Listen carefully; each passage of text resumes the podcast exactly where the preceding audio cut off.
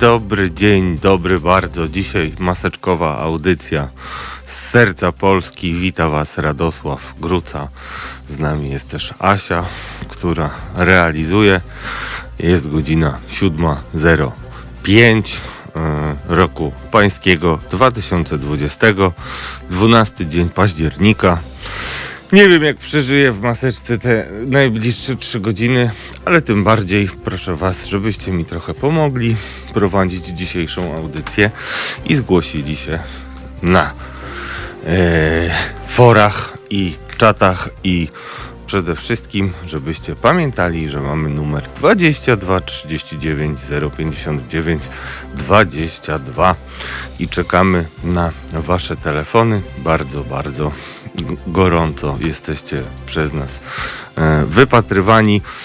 I będziemy dzisiaj oczywiście rozmawiać o sytuacji w Polsce, przede wszystkim o wprowadzonych znowu nakazach, zakazach i regułach przez Ministerstwo Zdrowia. Mamy żółty kraj, żółte radio, troszeczkę żółto-pomarańczowe. E, będzie Was informować o tym, jak z żółtego kraju zrobimy się krajem czerwonym, bo tak nam już władze zapowiadają. Będziemy dzisiaj gościć dziennikarkę Rzeczpospolitej Karolinę Kowalską, a także eksperta z zakresu systemu opieki zdrowotnej Rafała Janiszewskiego. Porozmawiamy z nimi o tym, na ile są przygotowane szpitale e, i co e, rząd i nasza władza myśli robić z tą sytuacją, którą przecież można było przewidzieć. Nie wiem jak wy, ja mam takie wrażenie, moi drodzy, że jakby przespaliśmy ostatnie miesiące i zajmowaliśmy się różnymi bzdurami, ale niekoniecznie tym, co jest najważniejsze, czyli przygotowaniem szpitali. Ja przypominam, że y, ciągle nawet nie jest wyjaśniona historia y, zakupów respiratorów, walka o to, y, żeby ustawa o tak zwanej bezkarności weszła lub nie weszła, zdominowały scenę polityczną przez ostatnie e, tygodnie, miesiące. Między innymi wokół tej ustawy e, wybuchła także awantura e, w samej tak zwanej Zjednoczonej Prawicy. No, a problemy najważniejsze i najbardziej bieżące, niestety, wszystko wskazuje na to, że leżały odłogiem. Co o tym wszyscy myślicie? Dzwońcie, piszcie, myślcie ciepło. Myśli też czasami dochodzą wasze do mnie i synchronizujemy się w eterze na falach halo.radio, czyli pierwszego medium obywatelskiego w Polsce. Radio obywatelskie, które żyje przede wszystkim li tylko wyłącznie z waszych moi drodzy, dobrowolnych, dobrowolnych wpłat. Także bardzo o nie prosimy, żebyśmy mogli dalej być z Wami, przekazywać Wam treści nieobecne lub przemilczane przez inne, tak zwane z grubsza mainstreamowe media. Także moi kochani, dzisiaj będzie głównie o covid ale pozwolę sobie też na kilka osobistych ocen, do których, o tutaj echo mi się włączyło, do których jesteście, mam nadzieję, przyzwyczajeni. E, witam Baju Baj, e, która się już zgłosiła. Witam Marka Iti, którzy są na forum. Mm, I Marek Iti mówi tak. Myśmy nie przespali, to nie rząd nie w cudzysłowiu, nie rząd przespał, nie licząc tego, że to nie dojdę i nie moty w temacie zarządzania, bo nie rząd i bajzel im dobrze idzie. Cóż można powiedzieć? Wojtek Joński mówi dzień dobry panie redaktorze, współczuję nie wiem czego, a maseczki, no tak, to jest y, zalecenie naszego y, kochanego Kuby, który konsultował to z lekarzami i rzeczywiście trzeba powiedzieć, że trzeba oddać cesarzowi co cesarskie. Cesarz Kuba Wątły zaordynował i rzeczywiście w przeciwieństwie do większości mediów już od samych wczesnych przejawów niebezpieczeństwa jesteśmy w Halo Radio mocno tutaj przeszkoleni, przemyśleni, mamy wszystkie odkażacze, procedury jesteśmy pod tym względem wzorcowi, w związku z czym cóż, tak trzeba żyć, moi drodzy. Pamiętajcie o maseczkach, które są obowiązkowe i które są przejawem przede wszystkim waszej odpowiedzialności za inne osoby, które możecie uchronić dzięki maseczce przed zakażeniem ich. A liczba zakażeń y, jest po prostu masakryczna. E, wczoraj 4178 nowych zakażeń, najwięcej w Małopolskim 685 i Mazowieckim 433. E, nie wygląda to dobrze. Zmarło jedna do tej pory w ponad 3000, e, 3000 osób. I z tego co słyszę, mm, jakie to sygnały płyną ze szpitali, a będę też o to pytał naszego rozmówcy, szczególnie Rafała Janiszewskiego, który jest e, e, założycielem kancelarii pomagającej szpitalom w rozmaitych rozliczeniach z Narodowym Funduszem Zdrowia, w związku z czym ma taką taką wizję zupełnie nadzwyczajną, moi drodzy. Wizję w tym sensie, że widzi system z różnych stron, nie tylko tak jak my, pacjenci, ale także widzi, jak wygląda sytuacja w szpitalach z perspektywy dyrektorów tychże szpitali, z perspektywy lekarzy, którzy muszą się rozliczać. Dlatego mm, bardzo zawsze chętnie zachęcam Was chętnie Was zachęcam. No, można tak robić. Yy, I chciałem jeszcze Wam powiedzieć, moi drodzy, yy, moi drodzy, yy, że w najbliższych dniach ma też nastąpić spotkanie, mm, spotkanie opozycji z premierem. Opozycja w piątek żądała od prezydenta zwołania Rady Bezpieczeństwa Narodowego. Wydaje się to niegłupim pomysłem, a prezydent jakby zajął się w tym samym czasie innymi rzeczami, między innymi, nie wiem czy widzieliście, ale był na Twitterze taki bardzo, hmm, jakby to ująć delikatnie, no niecodzienny sposób podejścia do pełnienia urzędu, tak przynajmniej krytykujący Andrzeja Dudę zauważyli, ponieważ Andrzej Duda, nie mając chyba nic lepszego do roboty, zaczął odpisywać kolejnym mm, Twitterowiczom na długiej liście osób, które które mm, trafiły e, do grona osób, do których odnosi się głowa państwa. E, dołączyła w ten weekend pani, która e, pytała o to, jakie zwierzątko ma na zdjęciu i prezydent wydał się tak prezydent wdał się w dywagację o tym, czy opos jest oposem, co nieco poirytowało, mm, bym tak powiedział, e, wielu internautów, że w dobie, kiedy mamy rekordy zachorowań i parę jeszcze innych problemów na Białorusi, biją ludzi protestujących przeciwko sfałszowaniu wyborów, Unia Europejska ma do nas bardzo poważne zastrzeżenia. Mm, jest dziwna decyzja, o której mam nadzieję słyszeliście. Mm, decyzja o przyznaniu azylu mm, panu Rafałowi Gawłowi. To jest też w ogóle jakaś przedziwna historia. Norwegowie przyznali mu azyl. Został skazany za oszustwa e, finansowe. I jak czytałem w komentarzu Ewy Siedleckiej, dziennikarki polityki, e, no chyba nikt nawet szczególnie w Norwegii się nie zajmował tym, czy on został skazany e, w uczciwym procesie, czy nie. E, nic nie wskazuje na to, jak pisze Ewa Siedlecka, żeby ten proces był nieuczciwy.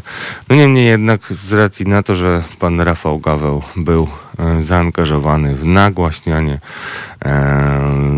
nagłaśnianie patologii, jaką jest ksenofobia, antysemityzm i prowadził taki, taki, taki portal, portal, no stronę na Facebooku na pewno, no to Norwegowie uznali, że jest wysoce prawdopodobne, że mógł paść ofiarą represyjnego państwa. I nie wchodząc już w szczegóły, ponieważ ich nie znamy, no trzeba powiedzieć jedno. Trzeba powiedzieć, że e, reputacja Polski jest jaka jest i wstawanie z kolan skończyło się dzisiaj czołganiem nas y, przez naszych y, sąsiadów rozmaitych europejskich, bo wcześniej, przypomnę Wam, była też podobna sytuacja w Holandii, gdzie Holandia przestała, y, odmawiała respektowania europejskiego nakazu aresztowania, uznając, że mógł być wystawiony w mógł być wystawiony w ten sposób, że nie e, dano by być może, o właśnie, nie dano by być może e, wiary, znaczy gwarancji, że proces takiej osoby skazanej będzie mm, skazanej czy odpowiadającej przed sądem będzie e, uczciwy. I taką mamy właśnie, moi drodzy, e, przykrą sytuację, mm, która niestety nic nie wskazuje na to, żeby uległa poprawie. Dzięki Bogu mamy Igę Świątek, która, jak się właśnie okazuje, lubi, e, ma na swojej playliście Pearl Jam i Guns N' Roses. Bardzo serdecznie rekomenduję szczególnie Pearl Jam, moją ukochaną grupę bo e, sukces jest nie byle jaki. I gdybyśmy byli w jakimkolwiek mainstreamowym radiu, to na pewno mielibyście zapewnioną dzisiejszą dyskusję z kimś, kto na pewno bardzo dużo wie o tenisie, idzie świątek, zarobkach i tak dalej, ale my rozmawiamy o nieco innych rzeczach i zostawiamy to komercyjnym stacyjkom. Natomiast oczywiście przyłączamy się do gratulacji. Iga Świątek wygrała turniej Roland Garros jest e, pierwszą Polką, która tego dokonała w brawurowy sposób. Ja jestem zwolennikiem wszystkich wiadomości, które poprawiają samopoczucie narodu, więc yy, nie unikając tematów trudnych, bardzo się także cieszę i yy, tak yy, myślę, że naprawdę będziemy mieli jeszcze z Igi Świątek przez wiele lat dużo, dużo powodów do radości z Igi. Będziemy mieli powodów z Igi gry.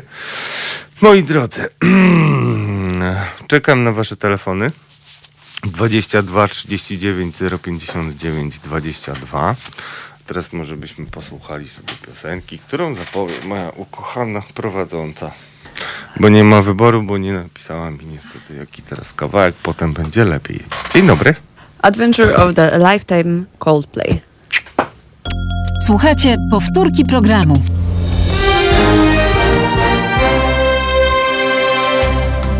Halo Radio. Pierwsze medium obywatelskie.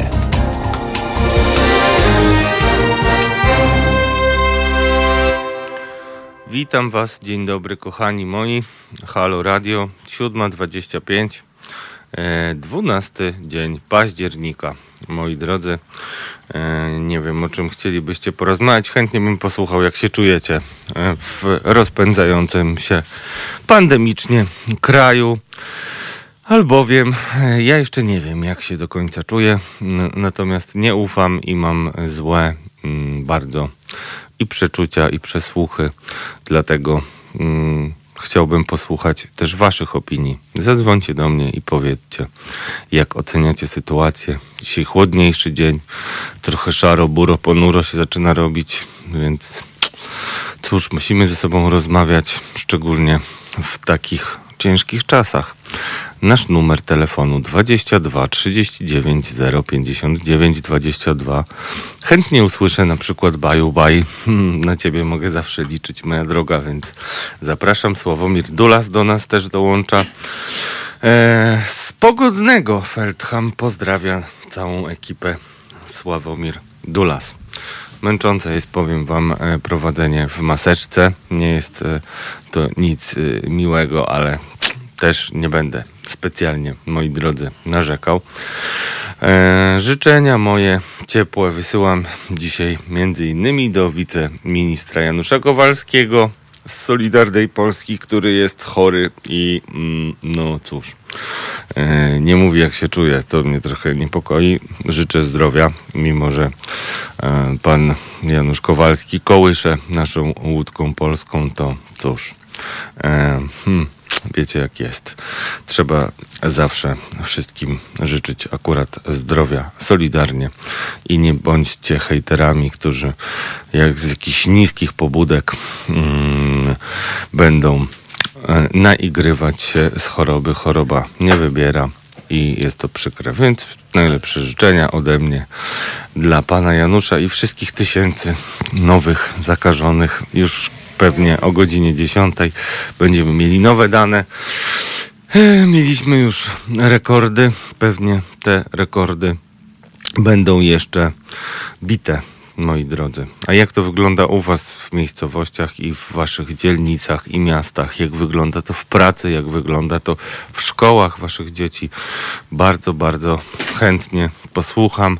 Sam, e, sam się spodziewam, że niedługo szkoły niestety mogą być zamykane i Przemek Czarnek, nowy nasz minister mm, edukacji, który jeszcze nie został zaprzysiężony, raczej nie będzie miał żadnego złotego środka na problemy, które nasze dzieci mogą w szkołach napotkać. Mam takie wrażenie, które chciałbym bardzo, mm, bardzo z Wami skonfrontować, że nasze władze e, wybrały taki e, dość charakterystyczny dla nich zresztą mm, e, sposób poradzenia sobie z problemami, czyli przerzucili je gdzie indziej, na kogoś innego. I dlatego właśnie mamy taką sytuację rozedrgania, ponieważ e, decyzja o tym, czy zamknąć szkołę, czy nie, jest e, po stronach dyrektorów, w związku z czym, no cóż, po pierwsze, taki dyrektor, jak e, ma podjąć decyzję o zamknięciu, to raczej jest na tyle e, rozgarnięty, że zamknąć jest łatwo, a otworzyć jest dużo trudniej.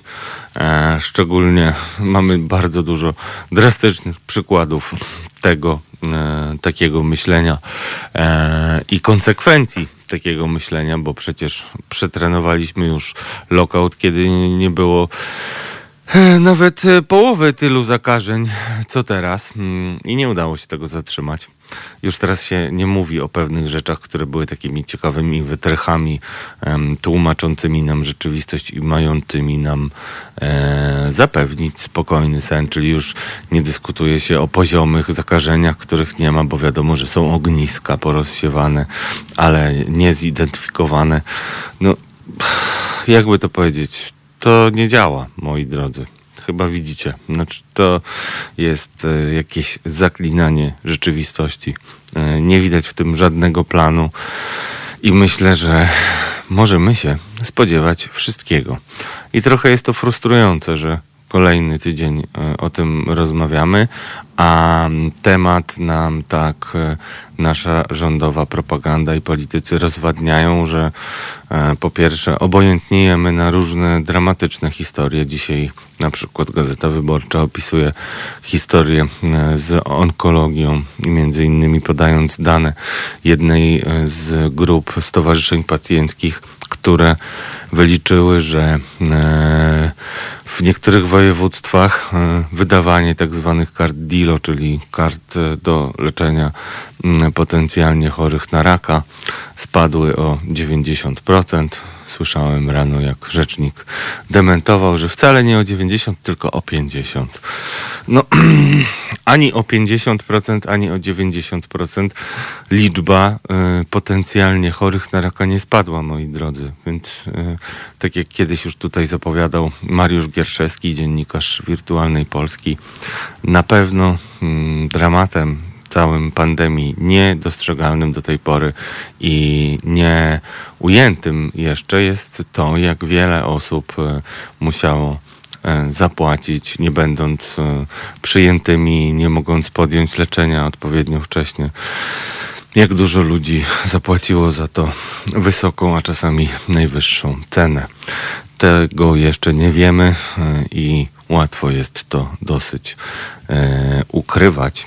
Niemniej jednak kiedyś jestem tego pewien, prawda wyjdzie na jaw.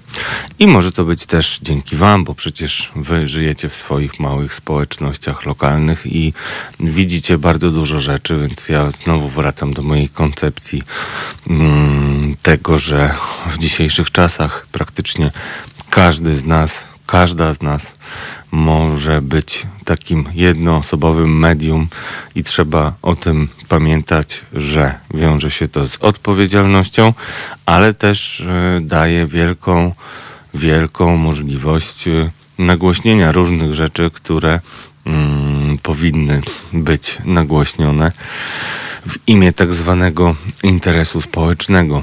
Mm, społecznego celu publikacji. O, ciekaw jestem, czy kiedyś będziemy mieli takie procesy. Odsyłam Was do, do mm, rozmowy piątkowej, która jest już w podcastach, e, którą przeprowadziłem z Żanetą Gotowalską, e, dziennikarką mm, Gazety Wyborczej i autorką, współautorką tekstu o zarzutach molestowania seksualnego, jakiego miał się dopuścić e, syn Jacka Kurskiego, prezesa TVP.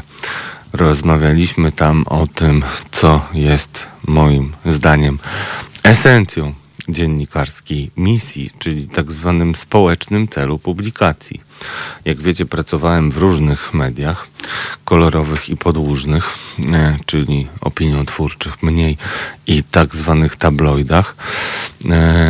I Teraz mam zaszczyt pracować w Okopres, które jest chyba jedną z najbardziej docenianych pod względem rzetelności i jakości dziennikarstwa redakcji. Bardzo pozdrawiam wszystkich moich współpracowników i czytelników, bo wiem, że mamy wspólnych czytelników z Halo i Halo ma też y, wspólnych fanów z Oko, y, bo łączy nas y, dość mm, wiele, mm, mimo formy innej jednak, bo inną jest głos i słowo mówione, a inną słowo pisane, o czym przekonałem się przez ostatni rok bardzo, bardzo. I mam nadzieję, że jednak mimo tego, że jestem dziennikarzem piszącym, e, jakoś te nasze audycje nas do siebie zbliżają i nie są mm, tylko powtórką tego, co pisałem. Bardzo jestem zadowolony. Już mamy rok za sobą działania jako radiostacja i jestem bardzo szczęśliwy, że mogę tutaj z Wami być i uważam, że efekty tejże naszej kooperacji to mm, będziemy mieli dość spektakularne, e, jak popatrzymy sobie z perspektywy czasu. E, dlatego też niebawem poproszę Was o to, żebyście e, razem ze mną wybrali najlepszą z naszych audycji do tej pory zrealizowanych. E, mówię akurat o swoich audycjach, ale e, w ogóle myślę, że to by był ciekawy wątek. Jeżeli jakaś szczególna audycja zapadła Wam w pamięć, no to będę bardzo, bardzo, bardzo, bardzo wdzięczny za sugestie. Piszcie, dzwońcie i komentujcie. E, Epikurejczyk, czyli e, pisze tak, panie Radku, więcej radości z tego życia, bo na wiele spraw wpływu nie mamy. No, ojejku, powiem panu, panie Epikurejczyku, czyli umiejący się cieszyć życiem, e, że mm, no ja jakoś tak już mam, że uważam, że najgorszą w życiu jest bezsilność. To jest pierwsza rzecz. I przeżywałem to już wielokrotnie. Może kiedyś jakąś historyjkę znowu o bezsilności wam opowiem, ale raczej wewnętrzniam się wieczorami, a poranki staram się tak wygrzebać jakąś mm, nadzieję i zarysować wam horyzont, do którego nas prowadzi mm, nasza władza i dokąd. Y, E, dokąd e, zmierza Polska w obecnej sytuacji, która pokazuje najlepiej, że nie jest tak, jak mm, nasz rząd i partia rządząca chce nam pokazywać, że nasza chata z kraja i, i generalnie świat to świat, a my to my. I mm, mogę tutaj przytoczyć mm, e, ciekawą bardzo wypowiedź Jarosława Kaczyńskiego, który pozwolił sobie hmm, polemizować z samą panią namiestnik, tak zwaną złośliwie, czyli samą panią Georgette Mosbacher, która jest ambasadorem Stanów Zjednoczonych w Polsce i pozwala sobie coraz częściej udzielać różnych reprymend, mniej lub bardziej wyraźnych polskim politykom. Jedną z takich reprymend, mm, mm, którą udzieliła pani ambasador, była wypowiedź w wywiadzie z Marcinem Makowskim, to jest e, publicysta mm, do rzeczy, ale współpracujący też z różnymi innymi mediami. Zresztą zastanawiałem się, czy by go nie zaprosić, chociaż przypuszczam, że możecie mieć e, pewne opory, ale to by była na pewno ciekawa rozmowa. Niemniej jednak pan Makowski przeprowadził rozmowę z panią ambasador, gdzie była mowa między innymi o mm, poruszanym e, na te, o temacie, który poruszaliśmy na naszej antenie wielokrotnie. E, ja też o tym mówiłem w dniu publikacji, czyli e, w dniu, kiedy mm, między innymi Oko Press jako medium dostało nagrodę od kampanii przeciwko homofobii i za swoją działalność nagłaśniającą no, taktykę władzy w atakowaniu środowisk LGBT i robieniu nagonki na osoby nieheteronormatywne. Mm, I dostrzegło to też kilkudziesięciu ambasadorów, którzy podpisali się pod listem e, protestującym przeciwko temu e, takim różnym zagrywkom. I e, w wywiadzie, który później pan Makowski przeprowadził, mm, padło takie stwierdzenie ze strony Georgette Mosbacher, że w tej sprawie jesteście po złej stronie historii. E, no i do tego właśnie odniósł się sam wicepremier Jarosław Kaczyński, który e, ogłaszając zwycięzcę nagrody imienia Lecha Kaczyńskiego na kongresie Polska Wielka Pro, Wielki Projekt e, mm, mówił o Wilcztajnie, e, który Bronisław Wilcztajn został wyróżniony nagrodą. I przy tej okazji właśnie Jarosław Kaczyński mm, odniósł się mm, do słów pani Mosbacher e, i powiedział mm, Oczywiście bez żadnej maseczki, no bo, no bo po co? Po co maseczka? E, prezes powiedział, że, mm, że to jest człowiek niezwykły, znakomity eseista, publicysta.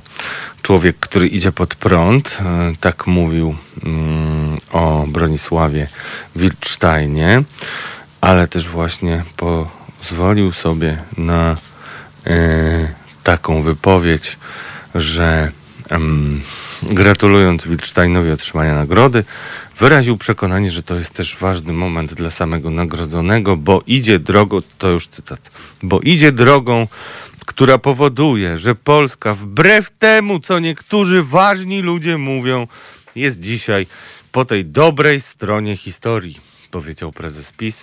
No i co wy myślicie, czy rzeczywiście jest Polska dzisiaj po dobrej stronie historii i co w ogóle myślicie i czy zauważacie jednak, e, hmm, jakby to ująć, no taką niecodzienną sytuację, w której prezes Polski wicepremier Jarosław Kaczyński odnosi się do słów e, mimo wszystko, ale jednak polityczki, tak bym powiedział, może nie polityczki to nie jest dobre słowo, ale w, w tym układzie e, i w rzeczywistości, jaką nam PiS próbuje suflować, serwować, to e, każdy ambasador będzie politykiem, więc choć tak nie jest. No ale jednak pani ambasador, która jest tylko ambasadorem i naprawdę nie trzeba komentować wszystkich słów, które mm, pani ambasador e, tego czy innego kraju, niezależnie od tego, czy to są Stany Zjednoczone, Pekin czy inne. Po prostu niektóre rzeczy można zupełnie zostawić, e, zostawić bez komentarza. E, nie wiem, czy dobrze rozumiecie, co mam na myśli, ale chodzi o to, że trudno nie dostrzec, że Jarosław Kaczyński dokłada do tego pieca, mm, którym, e, którym e, e, pieca politycznej machiny, który jest zasilany niechęcią do słabszych po prostu, tak powiedzmy, bo co by nie mówić, osoby nieheteronormatywne mm, no, są dzisiaj pod pręgierzem opinii publicznej w tym sensie, że jest e, trwająca ciągle nagonka, e, niechęć e, i różne imputowanie, a że Jarosław Kaczyński odpowiada w ten sposób pani ambasador, no to pokazuje po pierwsze, że Jarosław Kaczyński chce pokazać, że nie będzie mu tu nikt e, niczego urządzał z zewnątrz. Co jest w ogóle paradoksem, bo na każde tupnięcie e, nogi mm, głośniejsze naprawdę nasi politycy reagują bardzo e, dużym lękiem i e, niepokojem. Więc e, po czynach warto ich poznawać, a nie po tym, jak mocno machają szabelką. Więc mm, polecam to waszej rozwadze, moi drodzy. Dlaczego Jarosław Kaczyński, wręczając nagrodę, musi się odnosić do kwestii mm, wypowiedzi pani ambasador, a tak naprawdę wracać do tematu. E, LGBT, wojny kulturowej i tak dalej, czyli serwowanej nam e, papki e, przez partię rządzącą, służącej. To e, temu oczywiście, żeby e, utrzymać nastroje takie, jakie są. I też trochę może odwrócić uwagę od bieżących problemów. Mm. A teraz w związku z tym, że rzeczywiście popadam w jakieś czarnowictwo, to postanowiłem Was pobudzić najlepiej jak potrafię w tym momencie i zaraz Asia włączy Wam naprawdę, naprawdę przezacny kawałek Sex on Fire Kings of Leon. Słuchajcie powtórki programu.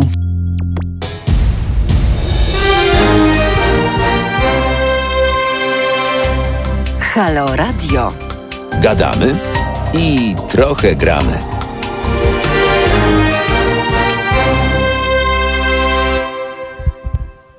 Dzień dobry, poniedziałek, 12 października. Wracam do Was, Radosław Maseczka Gruca. Yy, Jesteśmy im w Warszawie. Pozdrawiamy Was z redakcji rozgłośnia Halo Radio. No już dzisiaj rzeczywiście hmm, e, mam wenę dość dużą, więc moi kochani, proszę Was jeszcze raz o telefon. E, Pierwszy gość będzie o 8.30, więc macie jeszcze szansę sobie spokojnie e, z nami porozmawiać. 22 39 059 22. Ech, 12 dzień października. Czekamy na kolejne dane dotyczące pandemii, ale także patrzymy na to, o czym się mówi i pisze w gazetach. A mm, słyszę, że dzisiaj między innymi jeden z prezesów polskich banków, pan Cezarysty Pułkowski z M-Banku, mówi, że sytuacja banków e, jest najgorsza od bardzo, bardzo dawna, co może skutkować poważnymi problemami w przyznawaniu kredytów. To e, kolejny, mm, e, być może istotny element układanki, która pokaże nam, w jak dużym kryzysie znajduje się Polska, bo e, myślę, że szczególnie dane dotyczące tego, jak będą wyglądały e, ustawy budżetowe w najbliższym czasie mm, mogą być dla wielu ludzi szokiem, ponieważ pewnych rzeczy nie da się mm, wiecznie, wiecznie, moi drodzy, ukrywać. Czytam wasze komentarze. Anarchistyczna e, sekcja szydercza. Radosławie, czy rzymski cesarz Kuba W także nakazał aby słuchacze mieli założone maseczki, czy wirus się falami radiowymi przenosi? Prosimy o odpowiedź. No, spytajcie Kuby. Kuba jest już tutaj szczęśliwie z nami na łonie ojczyzny. Wiecie, jaki ma adres. On czyta wszystkie wiadomości na pewno, więc e, może wam odpowie. Ja jestem po prostu skromnym sługą w winnicy pańskiej, jak to mawiał jeden z polityków PiS, więc tak to jest, tak to jest. Eee, Kim R. złośliwie pisze, dzień dobry, wypas pomysł, laptop się nie zarazi, co za bezsens. No nie wiem, moi drodzy, nie wiem, co mam wam powiedzieć, ale rzeczywiście jest tak, że e, staram się swoją działalnością przynajmniej e, publiczną dawać przykład i uważam, że to jednak jest ten moment, kiedy powinniśmy ponosić maseczki, przynajmniej żeby ogarnąć e, sytuację. Bo jest fatalnie, e, jeśli chodzi o to, e, nie wiem czy zwracacie na to uwagę, ale e, jest coś takiego jak śledztwo epidemiczne, którego chyba już nikt nie prowadzi, bo jeżeli ja słucham pana jakiegoś Andrzeja bodajże wypowiadającego się e, Polsat News, pamiętam, e, który mówi, że on nie wie, gdzie się zaraził, że on był na obiedzie z kolegą, ale też przecież dzieci chodzą do szkoły, jeżdżą komunikacją i on nie wie. No to taka niewiedza będzie nas kosztować najdrożej. I dzisiaj myślę sobie, że mm, zabrakło mi chyba determinacji, e, ale no cóż, Mówiłem w marcu, że będzie bardzo ciężko, że ludzie będą umierać. Potem mi się wydawało przez moment, że może rzeczywiście e, troszeczkę przesadzałem, e, ale dzisiaj uważam, że mm, trzeba było o tym mówić e, jeszcze więcej i namawiać przynajmniej was, drodzy Halo Radio słuchacze, żebyście nieśli nowinę dalej i żebyście tłumaczyli naszym mniej rozgarniętym współobywatelom, że to nie jest e, żaden wymysł ani, yy, ani nie wiem, kreacja yy, Billa Gatesa, koronawirus, że można zrobić dużo, żeby się uchronić. Trzeba tylko wprowadzać do własnego życia codziennego pewne zasady i to ryzyko może znacząco spadać. I przypominam Wam też w związku z tym, że e, nasz gość, e, Rafał Janiszewski, e, był jedną z pierwszych osób, która bardzo kategorycznie stawa, staw, stawiała problem noszenia maseczek, jeszcze zanim mm, były one tak powszechnie wprowadzane na świecie i namawiał wszystkich do ich noszenia. I nie przejmował się tym, że e, WHO e, nie bardzo e, była konsekwentna w swoich pierwszych przekazach, tylko mówił i tłumaczył to zresztą na naszej antenie. No, dlaczego maseczki trzeba nosić? No, rządowi zajęło to dużo dłużej, więc no niestety wiecie jak jest. Mam nadzieję, że choroba was oszczędzi mm, i mam nadzieję, że nie będziecie ulegać panice, że będziecie pamiętać, że rzeczywiście chyba jest tak, że większość z nas prędzej czy później będzie chorymi, natomiast na pewno lepszym momentem na chorowanie y, jest lato, więc y, jeżeli macie możliwość uchronienia się przed zakażeniem, to zróbcie wszystko, co w waszej mocy, żeby tak, żeby tego uniknąć, bo problemem największym w walce z pandemią nie jest nawet złośliwość tego wirusa, czy też to, że robi się on bardzo morderczy, tylko problemem jest pozatykany system opieki zdrowotnej. Nasz system i tak nie jest w najlepszej kondycji, ale to, co się może dziać i to, o czym pewnie nam też opowie e, Karolina Kowalska, no to mm, jest bardzo niepokojące. Bardzo niepokojące. Także róbcie to w waszej mocy, żeby unikać zakażenia i nie ryzykować, że miejsca może dla was zabraknąć. Moi drodzy, telefon do studia, przypominam, 22 39 059 22. Przypominam wam też, że e, moi drodzy, że e, mo, zaraz po mnie na scenę Halo Radio wchodzi Wojtek Krzyżaniak, głos szczerej, słowiańskiej szydery będzie z Wami od godziny 10 i na pewno przyciągnie masy słuchaczy, żeby w szyderczy sposób obnażać paradoksy naszej bieżącej rzeczywistości. Także szykujcie się na godzinę 10, e, a już niedługo, niedługo e, pierwszy gość, o co chcielibyście, żebym zapytał e, pana mm, Rafała. Pan Rafał będzie z nami od 8.30 i pan Rafał jako założyciel kancelarii Janiszewski jest bardzo dobrze rozeznany, jeśli chodzi o to, jak wygląda sytuacja w poszczególnych szpitalach. I zachęcam Was bardzo do tego, żebyście mm, zadawali mu pytania, bo jest wiele rzeczy, o które chcecie, żebym pytał, ale możecie to zrobić sami, dzwoniąc do nas bezpośrednio to myślę, że jest e, nie lada gratka, żeby, żeby porozmawiać z człowiekiem, który widzi system opieki zdrowotnej też z tej strony, e, o której się nie mówi. No i też e, on jest w tej wyjątkowej sytuacji, że jako człowiek jako człowiek odważny, i niezależny mówi to, co myśli i nie ściemnia i potrafi powiedzieć rzeczy, o których e, pod nazwiskiem konkretni dyrektorzy pewnie woleliby nawet się nie zająknąć. Więc przypominam Wam, Rafał Janiszewski będzie naszym gościem już niebawem e, na antenie. 8.30 Rafał Janiszewski.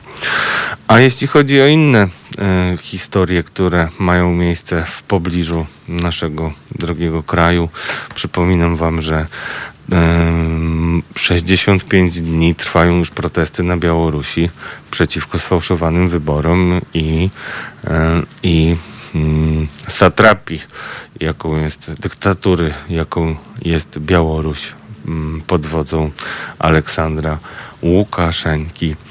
Więc tak to wygląda, mm, że nasi sąsiedzi pokazują, że determinacja w nich nie umiera mimo ostrych represji, mimo e, prób jakiegoś PR-owego rozegrania. Sytuacji przez Łukaszenkę no, nie udaje mu się i wydaje się, że jego e, sytuacja, czyli to, że ludzie z niego się śmieją, przestali absolutnie darzyć go jakimkolwiek szacunkiem, mm, pokazuje e, no to, mm, że on nie ma wyjścia i prędzej czy później będzie musiał oddać władzę, ale jak długo na to poczeka społeczeństwo białoruskie, tego jeszcze nie wiemy. Natomiast determinacja naszych, e, naszych sąsiadów, mm, szapoba, e, bądźmy solidarni z Białorusią także, bo to wszystko e, jesteśmy moim skromnym zdaniem winni światu jako ten kraj, który wymyślił kiedyś Solidarność, który pokazał, jak pokojowo można przejąć władzę od reżimu. Jesteśmy, e, ale pokojowo, ale też e, przypominam, przy pomocy i wsparciu takim nie tylko deklarowanym, ale także przyjmującym realne, różne postaci, udało się odsunąć komunę od władzy pokojowo, bez krwi, bez strzałów, bez samosądów. To było wielkie osiągnięcie. Nie byłoby możliwe, gdyby nie to, że przez lata pomagali nam e, nasi różni przyjaciele poza granicami Polski. E, więc uważam, że to jest dług, który powinniśmy konsekwentnie spłacać. Tym bardziej, że ten dług e, jest też elementem, fragmentem marki Polski na świecie. Ta marka podupada, o czym rozmawialiśmy jeszcze przed chwilą, kiedy przypominałem wam historię e, pana Gawła i historię upadku polskiej praworządności, bo czy to się komuś czy nie, no nasz e, nasz wizerunek mm, kraju, który mm, podąża w stronę autorytaryzmu jest e, coraz bardziej utrwalony i mamy kolejne tego przykłady w postaci takich decyzji jak przyznanie azylu panu Gawłowi. No to jest bardzo, bardzo Bardzo przykra sytuacja i wydaje mi się, że jeszcze wciąż mm, nie wszyscy zdają sobie sprawę z tego, e, do czego rządy Prawa i Sprawiedliwości doprowadzają w Polsce. No, wygląda to bardzo, bardzo źle. E, moi drodzy, jeśli chodzi o e, inne kwestie, które e, Was nurtują, czytam kolejne komentarze i Epikurejczyk mówi, już dawno wymyśliłem świat na nowo i doskonale mi w moim świecie się funkcjonuje. Oczywiście chodzę na wybory, bo płacę podatki, ale jednym głosem to se mogę. No właśnie, znowu wracam do waszych do waszych rozterek, ponieważ tak jak wam mówiłem, każdy z was jest dzisiaj medium i Epikurejczyk, który mówi, że jednym głosem to se może, bardzo się myli, bo e, ten, że twój głos Epikurejczyku, ja podaję dalej w eter, inni podają dalej za pośrednictwem podcastów i tak dalej i twój głos liczy się dużo bardziej. I w ogóle mówienie o tym, że głos liczy się tylko przy urnie jest absolutną paranoją. Nie myślcie w ten sposób, bo przy urnie tak naprawdę e, tylko dzieje się coś, na co mm, każdy z nas może pracować przez ten cały okres, kiedy na wybory się czeka, czyli uświadamiania społeczeństwa, co wybiera, jaki ten wybór jest, ile on znaczy, ile e, wiąże się z nim konsekwencji. Beata J. pyta się, hmm, czy jest szansa na rozwinięcie tematu e, Rafała Gawła. Myślę, że jest szansa, ale mm, chcielibyście, żebym zrobił o tym audycję. Może być to dla Was zaskakujące, ponieważ e, mm, no, skoro wywołaliście mnie do tablicy, to mogę powiedzieć, że no nie jestem takim bezkrytycznym fanem pana Rafała Gawła. E, I nie jestem bezkrytycznym fanem ośrodka monitorowania zachowań rasistowskich i ksenofobicznych, bo tak chyba się dokładnie to nazywało. Miałem pewne złe doświadczenia e, z tęże instytucją i też obserwuję nawet e, komentarze na Twitterze, moi drodzy, ludzi, którzy wiedzą dużo o życiu wewnętrznym tak zwanych NGO-sów i jest tam dość dużo wątpliwości, więc celowo jakby poszedłem w swoim komentarzu w historię, mm, w historię jakby problemu, jaki ma Polska w związku z e, deformami mm, praworządności, a nie e, w samą historię pana Rafała Gawła, ponieważ do jego działalności mam sporo różnych pytań i obiekcji. E, No i o jednej mogę powiedzieć, e, e, kiedyś wyrzucił pewną fejkową wypowiedź jednego z polityków Prawa i Sprawiedliwości. Ja tą wypowiedź puściłem dalej. Znaczy nie wiem, czy to sam zrobił pan Gaweł, ale była to, było to na stronach ośrodka. Eee, Ja tą wypowiedź podałem na Twitterze. Spotkałem się z ripostą polityka PiS, który zaprzeczył temu, w związku z czym zacząłem sprawdzać, jak w ogóle doszło do tego typu publikacji, skąd jest źródło, e, czy to jest prawda, czy nie. I powiem szczerze, e, nie udało mi się dowiedzieć niczego. Próbowałem się dodzwonić do różnych e, ludzi występujących pod adresami ośrodka. Mm, dziwnie reagowali na moje pytania. No i wtedy taka czerwona lampka zaczęła mi się zawsze e, zapalać, bo to jest e, absolutnie fatalne, że e, ktoś, kto działa pod hasłami bardzo zacnymi, bo monitorowanie rasistowskich zachowań wydaje się być mm, ze wszechmiar ważne.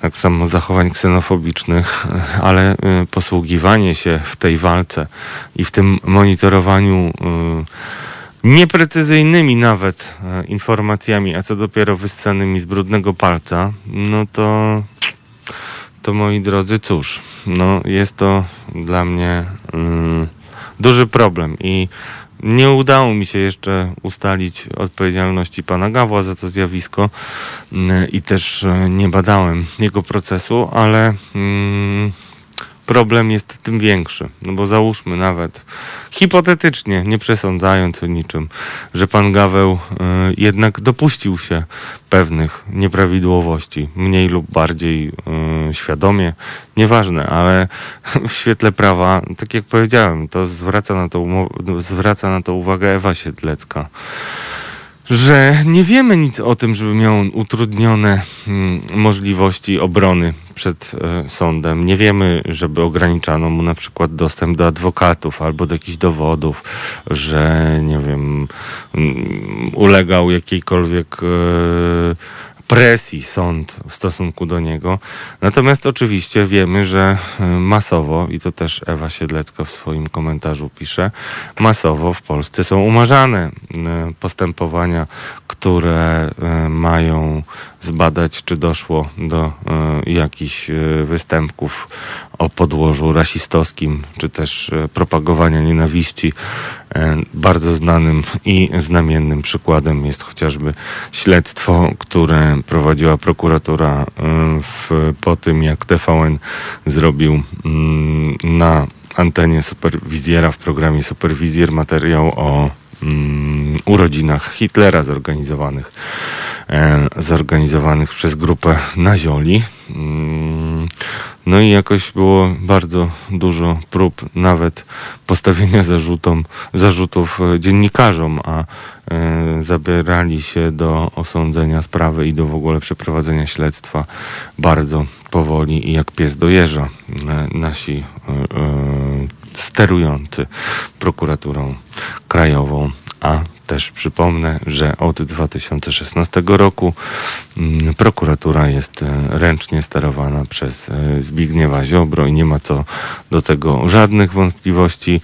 I tak jak mówił mój e, przyjaciel, który ma serce bardzo po prawej stronie, teraz jest odpowiedzialność, czyli no przykro mi, ale Zbigniew Ziobro musi wziąć całą odpowiedzialność za wszystkie decyzje prokuratury na siebie, na siebie moi drodzy.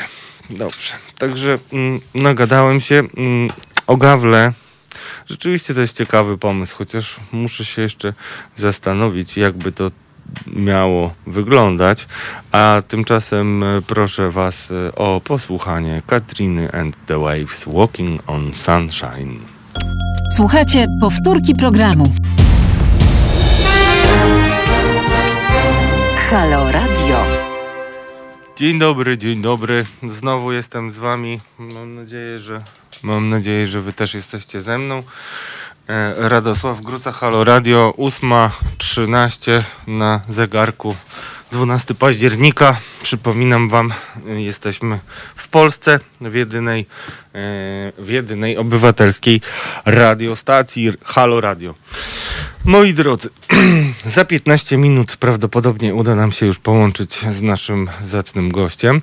Ja jeszcze chciałem Wam opowiedzieć o e, drugiej sprawie, która dzieje się mm, niejako na uboczu, a którą dostrzegłem na antenie rządowej propagandówki TVP. Mianowicie szykuje się e, tydzień grillowania sędzi e, Morawiec, byłej prezes Sądu Okręgowego w Krakowie. Polecam Wam, moi drodzy, m, tą historię, ponieważ budzi ona wiele moich pytań. Hmm, mianowicie pokazuje po pierwsze, w jaki sposób władza systemowo mm, atakuje swoich przeciwników e, za mm, no, za pośrednictwem oczywiście swoich mediów, którym udostępnia e, częściowe informacje ze śledztw e, i dzięki temu na przykład w, we wczorajszej we wczorajszej we wczorajszych wiadomościach można było obejrzeć mm, mm, o tym, jak świadkowie obciążają panią sędzię Morawiec. Sędzia Morawiec jest o tyle istotną osobą dla Zbigniewa Ziobro, że po pierwsze była prezesem sądu e, w Krakowie, który to sąd znalazł się pod bardzo baczną e, kontrolą mm, Zbigniewa e, Ziobro ludzi e, i wyszły różne tam nieprawidłowości dotyczące dyrektora sądu. Ale dyrektor to nie to samo co prezes. Dyrektor zajmuje się zu- zupełnie innymi rzeczami. Natomiast no, na tej sprawie e, pączkują różne inne. No i między innymi pani sędzia, która to nie jest bez znaczenia. Jest e, poza tym, że już nie jest prezesem e, od pewnego czasu e, sądu, jest prezesem Stowarzyszenia Sędziów Temis. Jedną z takich bardziej odważnych i twardo kwestionujących decyzje i pomysły Zbigniewa Ziobro sędzią. I właśnie tutaj okazuje się, że w wiadomościach za pomocą zeznań, które wyciekły do mediów, oczywiście prorządowych, pani sędzia jest e, e, wskazywana jako, no chyba nie można powiedzieć inaczej, jako po prostu łapówkara.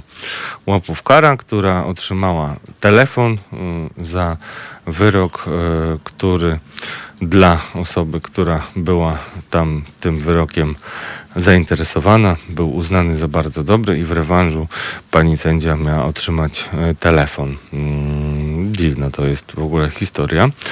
E, warto zdecydowanie ją prześledzić. Myślę, że e, myślę, że jest to historia której można wyciągnąć dużo wniosków odnośnie tego, w jaki sposób e, sterować opinią publiczną, e, ale też e, jak budować pewną narrację, która na przykład mimo prób nie udała się poprzez tak zwaną kampanię billboardową fundacji, nie fundacji, tylko takiej firmy Solvere, która wykonywała na rzecz Polskiej Fundacji Narodowej kampanię, w której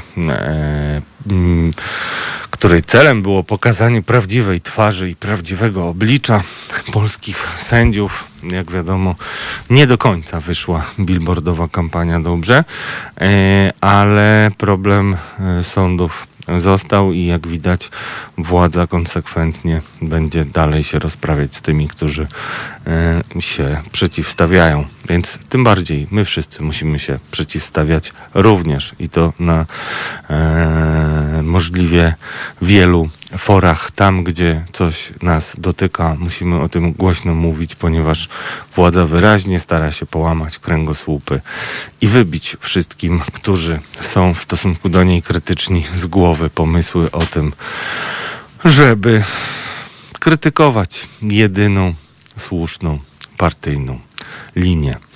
A propos linii, to moja linia telefoniczna cały czas jest e, wolna, a wy nie dzwonicie. To mm, sprawia, że serce moje krwawi i ciężko mi mm, coraz bardziej mówić, bo przypominam, że mówię do was przez maseczkę.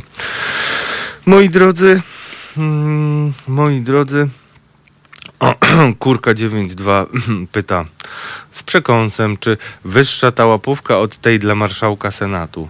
To jest bardzo dobra para, paralela. Rzeczywiście Kurka 92 przypomina mi, że już wcześniej e, była prowadzona operacja Grodzki, która miała na celu pokazać e, marszałka Senatu jako wielkiego łapówkarza. Ja pamiętam, nie wiem, już się zatrzymałem, że tam kilkanaście osób mówiło o jakichś łapówkach z lat 90., różnych, dawnych, starych. No nie wiem, to wszystko wygląda jakoś mało profesjonalnie, a, a w ogóle żenujące było to, jak CBA y, na swoich głównych stronach ogłosiło, że czeka na zgłoszenia wszystkich, którzy y, w szpitalu, w którym pracował marszałek Gorocki, dawali łapówki. No to do tego się sprowadzało. O jejku, jejku. Moi drodzy, o, coś się wycofał komentarz, a szkoda. E, łapówka, łapówka. Któż nie pamięta słynnej jap- łapówki? Nie wiem o czym Robert mówisz, ale może mówisz o. E, może mówisz o moim ulubionym filmie Piłkarski Poker. Jednym z wielu ulubionych filmów, aczkolwiek przykłady przekrętów, które tam były robione, często służą mi do zobrazowania pewnych metod, y, jakie stosuje władza, żeby uniknąć krytyki. Ale o tym może kiedyś. Piotr Eliaszak pisze, przykre, że przeważnie ten cały Gaweł robił przekręty pod organizacjami z nazwy chwytającymi za serducho, tylko po to, by wyłudzać kasę. Na przykład ludzie przeciw myśliwym, czy ośrodek monitorowań, monitorowania zachowań, tak? No, łapówka Irena, żona Laguny. Wracamy. E, Tak, więc cóż mogę wam powiedzieć? Myślę, że sprawa Gawła powinna być mm, przede wszystkim mm, obecnie analizowana w tym kontekście, który wam przedstawiłem, czyli pokazująca e, upadek wiarygodności e, polskiego wymiaru sprawiedliwości mm, pod rządami Prawa i Sprawiedliwości. A czy pan rzeczywiście robił przekręty, czy nie, jak twierdzi Piotr Eliaszak? Nie wiem, jakie to były mm, kwestie przekrętów, ale to, co od siebie mogłem powiedzieć z pełną premedytacją, to to, że wiele rzeczy widywałem w, e, no, na profilach ośrodka mm, nierzetelnych. I to mnie już wtedy skutecznie dość zniechęcało do e, szerowania tych rzeczy. I to tak niestety jest, że sporo takich. E, nie, sporo takich osób, które budują sobie wizerunek na słusznych działaniach, e, jest też e, niekoniecznie mm, uczciwymi na wielu innych frontach, ale mówię tak ogólnie, nie chcę nikogo teraz, e, moi drodzy, e, szczególnie atakować ani krytykować. Nie mam dowodów, nie lubię e, tak pomawiać, jeżeli nie wiem. Ale jeśli chcecie, no to może rzeczywiście trzeba będzie się temu przyjrzeć. Natomiast obecnie, jak pewnie wiecie, finalizuję historię Leszka Sławoja Głudzia, arcybiskupa, o którym rozmawialiśmy też w piątkowym programie. Bardzo Wam polecam mm, podcast e, z rozmową z doktorem Piotrem Szelongiem, e, byłym księdzem, który e, opowiadał zarówno o Głudziu, ale też o kulisach powstawania filmu Claire e, i tak dalej, i tak dalej. I mówił o tym, czy warto czekać na postępowanie, e, czego w ogóle możemy oczekiwać po postępowaniu sprawdzającym e, wysłanym przez Watykan, zaordynowanym w związku z przypadkami, które opisywano między innymi przypadkiem księdza Michała L. Polecam wam już dzisiaj prawdopodobnie kolejny tekst na ten temat mojego skromnego autorstwa się pojawi. Także kochani, teraz e, nas szykujcie się, przemyślcie o co chcecie gościa zapytać, moi drodzy, e, bo już za jakieś 10 minut e, nasz zacny gość Rafał Janiszewski powinien pojawić się na naszym ekranie e, i w waszych słuchawkach czy też e, głośnikach po to, żeby opowiedzieć nam, jakie e, zagrożenia czekają na e, Polaków i czekają, jakie wyzwania stoją przed dyrektorami szpitali w czasie pandemii. A teraz posłuchajmy sobie YouTube We For Without You. Słuchacie powtórki programu. Halo Radio.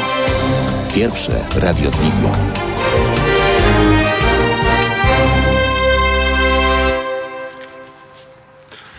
Dzień dobry bardzo, moi kochani. 12 października roku pańskiego 2020, 8.30, a z nami jest już mój pierwszy zapowiadany gość, pan e, Rafał Janiszewski, ekspert e, i właściciel kancelarii e, doradczej, która udziela między innymi porad szpitalom, jak sobie poradzić w rozliczeniach z NFZ-em i wielu innych jeszcze inicjatywach.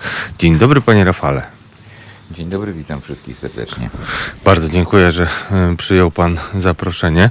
Mm, Chciałem porozmawiać oczywiście o sytuacji, o której e, mówi się przez ostatnie dni dużo, e, czyli o nieprzygotowaniu personelu lekarskiego, tak bym powiedział, jeśli chodzi o zasoby ludzkie, bo mm, nieprzygotowaniu w tym sensie, że rzeczywiście nasze e, władze już nam mówią, że największym problemem, jaki może nas czekać, e, to nie kwestia dostępności do sprzętu, tylko kwestia, e, kwestia przede wszystkim zasobów ludzkich, czyli lekarzy. No i oczywiście pada tutaj sakramentalne wręcz powiedzenie, że to są wieloletnie zaniedbania. Czy te pomysły, o których słyszymy między innymi, żeby mm, lekarze, e, po, e, młodzi lekarze, e, anestezjolodzy zostali skierowani do pracy, tacy, którzy mają półroczne doświadczenie, to jest jakiś pomysł, który w ogóle ma szansę być wprowadzony i czy, mm, czy cokolwiek możemy dzisiaj poradzić na te niedobory spodziewane, panie No, z całą pewnością trzeba powiedzieć, że brakuje nam personelu i to nie tylko lekarzy. Brakuje nam e, w każdej grupie zawodowej medycznej personelu. Natomiast oczywiście e, brak lekarzy, brak pielęgniarek e, jest uwidaczniany wtedy, kiedy mamy większe potrzeby. Są takie regiony, w których już mamy informacje o braku miejsc w szpitalach. No więc to jeżeli mamy brak miejsc, to znaczy, że mm, bo trzeba byłoby ten personel sobie przeliczać na e, ilość e, miejsc, czyli ilość łóżek, które, którymi muszą się opiekować, zajmować się pacjentami na tych łóżkach e, lekarze i pielęgniarki, no to siłą rzeczy, jeżeli mamy zajęte wszystkie, to rzeczywiście tego personelu mamy mało. Trzeba też dodać absencję, bo przecież lekarze i pielęgniarki również chorują, chociaż można byłoby powiedzieć, że statystycznie w stosunku do wielkości, do ilości społeczeństwa oni chorują mniej, ponieważ oni się bardziej zabezpieczają, oni e, no, jednak mają te środki ochrony przez większość czas, czasu mm, swojego funkcjonowania, bo spędzają w pracy w tej chwili bardzo dużo czasu. Natomiast jeśli chodzi o pomysł kierowania do pracy medyków, którzy nie uzyskali pełnego przygotowania, wykształcenia, a kierowanie ich do takich odcinków trudnych, chociażby jak obsługa respiratorów, no to powiem tak, czy ten pomysł ma szansę? E, Chyba nie ma innego wyjścia, żeby miał szansę. Widzę, że wszyscy y, starają się robić wszystko, aby te osoby wyposażyć w wiedzę. Został przygotowany specjalny nawet taki instruktaż, taki rodzaj manuala e, dla nich do obsługi respiratorów, przechodzą szkolenia są włączani. No, są to, sytu- to jest sytuacja kryzysowa.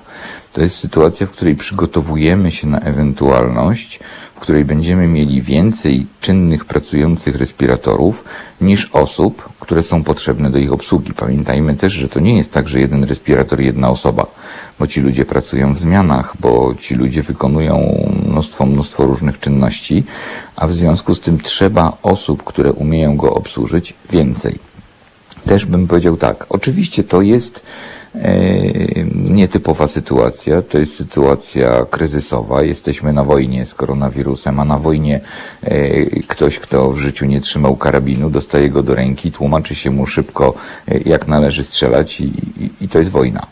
E, Natomiast to jest przygotowanie do sytuacji trudnej, przygotowanie co, na, na, na moment, w którym e, coś będziemy musieli zrobić, jeśli wszystkie respiratory będziemy mieli zajęte.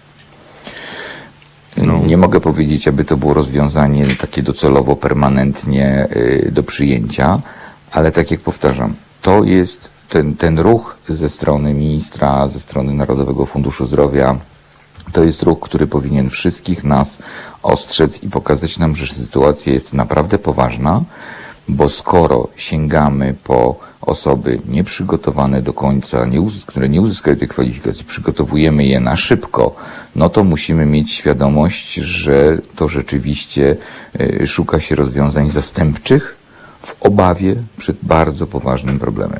Ja też chcę podkreślić, żeby tutaj też nie siać jakiegoś rodzaju paniki.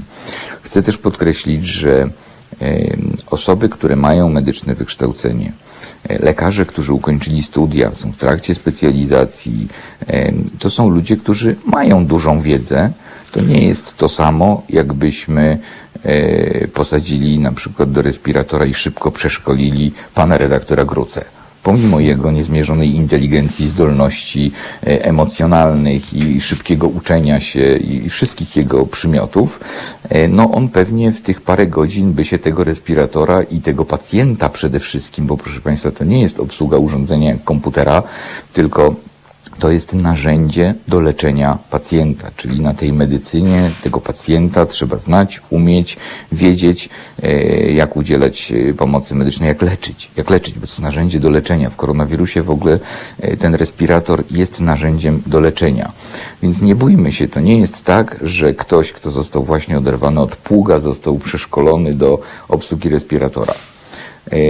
To trochę uspokajam, ale uspokajam, e, gdyby ktoś bał się, co by było, gdyby trafił w takie ręce.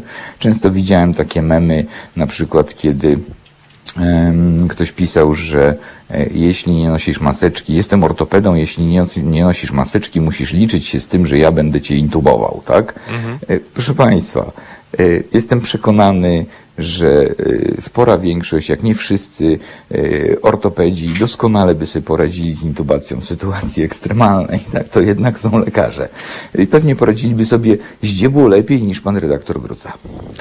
No mam nadzieję. Znaczy, no, mam nadzieję, że nie będzie nam dane tego sprawdzać w, ogóle, bo ja, ale e, panie Rafale, chciałem spytać jeszcze, mm, jak e, czy, czy zgadza się pan z tym, że mm, te ostatnie miesiące m, mm, były zmarnowane przez naszą władzę i że nie zrobiono praktycznie no, nic, co by mogło m, mieć nawet znamiona jakiejś koncepcji e, przeżycia jesieni. Ja przyznaję, że pamiętam, jak minister minister Szumowski w okresie największych skandali, które wychodziły między innymi związanych z majątkiem jego rodziny i, i, interesami jego brata i grantami, nagle wtedy wyszedł i powiedział, że on spodziewa się e, jesieni bardzo ciężkiej właśnie z racji na to, że e, na koronawirusa może się też nałożyć wyższa zapadalność na grypę czy my cokolwiek zrobiliśmy przez te miesiące, bo może to jest kwestia rzeczywiście jakiejś bieżącej politycznej naparzanki, a pan jako ekspert, jako ten, który widzi system nie tylko z perspektywy pacjenta, ale też z perspektywy i dyrektora szpitala i lekarzy, może nam o tym najlepiej opowiedzieć. Czy powiem tak... Y no, to, to jest bardzo. Niektórym sprawia to przyjemność, mnie nie sprawia przyjemności, ale to należy powiedzieć. Zarówno ja, jak i wielu innych ekspertów przestrzegaliśmy i mówiliśmy o tym, że będziemy mieli jesienną falę koronawirusa. Ja nawet spotkałem się z krytyką, e, z krytyką wielu, e, kiedy mówiłem, żeby się przygotowywać do jesieni, żeby przygotować do jesieni szpitale. Pisałem na ten temat mnóstwo artykułów, nawoływałem do tego, żeby przygotować, bo byłem przekonany, że ta fala jesienna będzie. E, kiedy, kiedy e, użyłem określenia, że to będzie druga fala, natychmiast na mnie e, naskoczyli opozycjoniści mówiąc, a skąd ja wiem, że będzie druga fala, jaki jest dowód na to, że będzie druga fala. Ich wypowiedzi w mediach dzisiaj można traktować jak memy, bo to trzeba pamiętać, że kiedy osoba publiczna coś mówi i pisze, to zawsze to coś, co pisała, może być potraktowane jak mem. Myślę, że pana ministra Szumowskiego niektóre wypowiedzi również dzisiaj krążą jako memy. Prawda jest taka. E, bezsprzecznie mamy jesienną falę. Przewidywałem to, że będziemy mieli jesienną falę nałożoną na e, infekcje jesienne. O tym zresztą tutaj w Halo Radio też kiedyś mówiłem, tłumaczyłem, że e, jesień to jest okres grypowy u nas w Polsce, w przeciwieństwie do innych ciepłych krajów, gdzie to jest okres wiosenny, że będziemy mieli duży rzut koronawirusa i że to rozprężenie, do którego doszło po pierwszej eskalacji wirusa, e, ono niestety przyczyni się do dużej propagacji. Tak się też stało, ta propagacja jest ogromna. E, proszę zauważyć, że my dzisiaj testujemy głównie osoby z objawami czyli nie testujemy osób z kontaktu, więc trudno jest nam powiedzieć dzisiaj, ile osób bezobjawowych, możemy to statystycznie sobie jakoś wyliczać, ile osób bezobjawowych e, no, chodzi i zaraża. E, czy się do tego przygotowaliśmy? Oczywiście, że nie. A co mogliśmy zrobić? Się... Właśnie, przepraszam, bo to też... No przede wszystkim tak. trzeba było dużo wcześniej, dużo wcześniej zadbać o zabezpieczenie personelu medycznego i mam tutaj na myśli nie szpitale, które były kiedyś tak zwanymi covidowymi, tylko cały personel medyczny trzeba było zabezpieczyć, trzeba było zadziałać na poziomie Agencji Rezerw, e, aby ta zapewniła odpowiednie środki zabezpieczenia. Druga sprawa, którą trzeba było zrobić, trzeba było wyznaczyć standardy postępowania z pacjentami, wszystkimi, którzy trafiają z innymi schorzeniami. E, No bo to są na przykład grupy szczególne, takie jak onkologia, gdzie pacjenci onkologiczni powinni mieć, powinny być dla nich wyznaczone odpowiednie procedury i postępowanie w przypadku po pierwsze kiedy taki pacjent zjawia się e, na leczenie, czy to jest kontynuacja, czy to jest pacjent de novo, jak go zabezpieczamy, jak organizujemy te centra onkologii, żeby tych pacjentów bezpiecznie obsługiwać. Po drugie, standardy postępowania w przypadku, kiedy pacjent onkologiczny wymaga dalej kontynuacji leczenia. No bo rodzi się pytanie, dobrze, e, leczony jest y, chemioterapią. I nagle pojawia nam się, testujemy go na wejściu i okazuje się, że jest COVID dodatni. Czy podajemy mu chemioterapię, czy mu nie podajemy chemioterapii? No to poważny dylemat, ponieważ chemioterapia generalnie bardzo obniża mm, e, odporność, prawda? Więc u osoby e, COVID dodatniej, która nawet będzie bezobjawowa czy lekkoobjawowa, podanie tej chemii może spowodować eskalację e, choroby, eskalację koronawirusa. I tego typu przykładów mógłbym mnożyć mnóstwo. Więc zabrakło wyznaczenia standardów. Kolejna rzecz. Nie przygotowaliśmy izolatoriów. Mamy ich za mało. Nie przygotowaliśmy e, w ogóle organizacyjnie szpitali. Te szpitale dzisiaj e, organizują się same. Każdy e, na swoje możliwości próbuje jakoś to zorganizować. Tylko zobaczmy, efekt jest taki, że karetki nam czekają po 6 godzin przed sorami na miejsce. Jest jeżdżenie karetkami po Polsce, po mieście i poszukiwanie wolnego miejsca dla pacjenta. Pacjenci nie mogą dostać się do POZ-u, e, nie mogą się tam dodzwonić, nie mogą uzyskać pomocy. Zaczyna się robić taka sytuacja mało uporządkowana, chociaż rzeczywiście tutaj minister próbuje w różny sposób, a to rozmawia z POZ-em, a to rozmawia z NFZ-em, no ale to nie jest czas na rozmowy. Ten czas na rozmowy powinien by, był być wtedy, kiedy zaczęła nam spadać ilość mm, chorych w tej pierwszym momencie eskalacji, czyli od marca, powiedzmy maj, czerwiec, trzeba było intensywnie pracować nad tym, żeby zorganizować procedury, żeby dzisiaj zadziałały. Dzisiaj nie zadziałały i jedynym takim mocnym, skutecznym narzędziem wpływającym na zmniejszenie zagrożenia jest edukowanie i dyscyplinowanie społeczeństwa, co też trzeba było zrobić wcześniej. Trzeba było y, utworzyć dobrą, uczciwą, prawdziwą komunikację ze społeczeństwem. Może dzisiaj nie mielibyśmy takiego dużego ruchu antymaseczkowego i osób, które wychodzą na ulicę i mówią, że koronawirus został wymyślony i że to jest jakieś międzynarodowe działanie po to, żeby ludzi pozbawić wolności.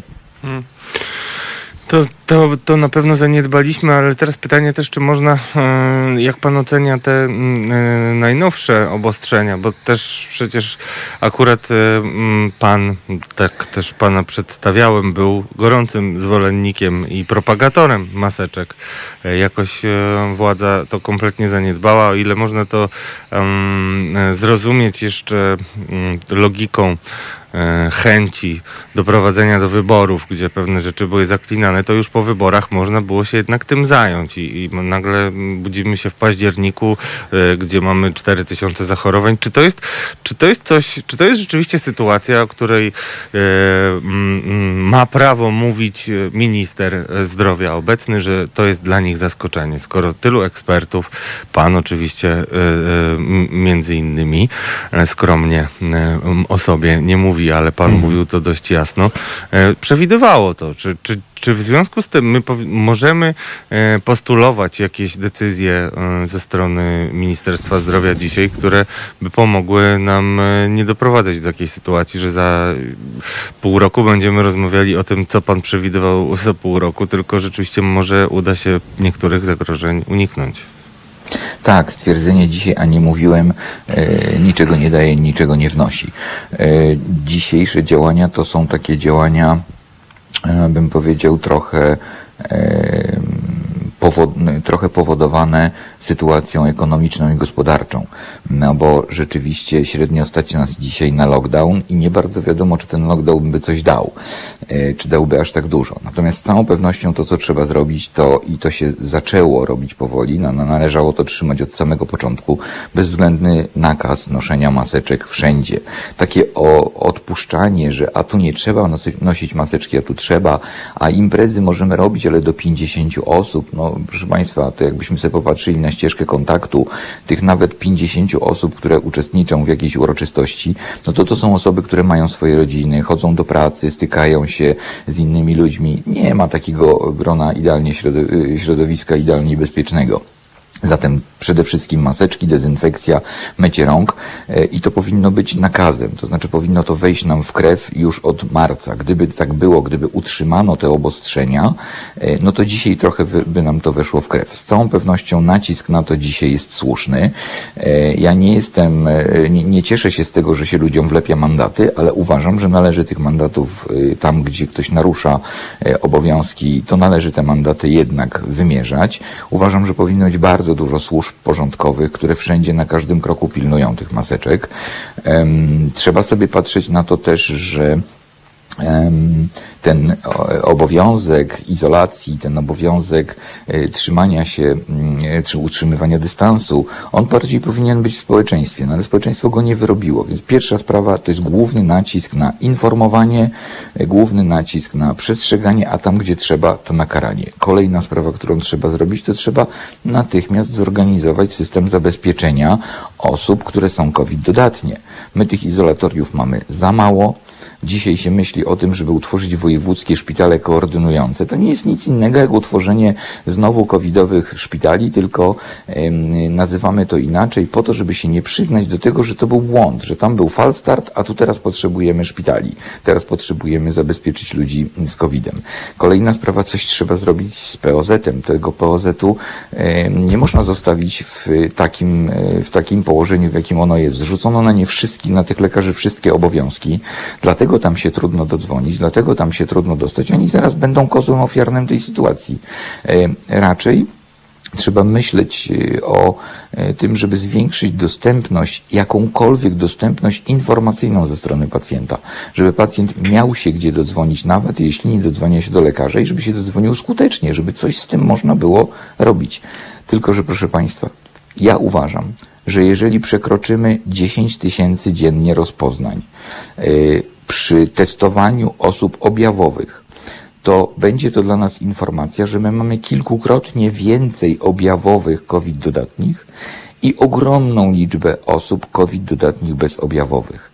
To już się wtedy wymknie spod kontroli. Żeby nie wiem, co pan minister zrobił, żeby stanął na głowie, zaklaskał uszami, nigdy w życiu to już w tym momencie idziemy z falą, czyli zaczynamy się zarażać.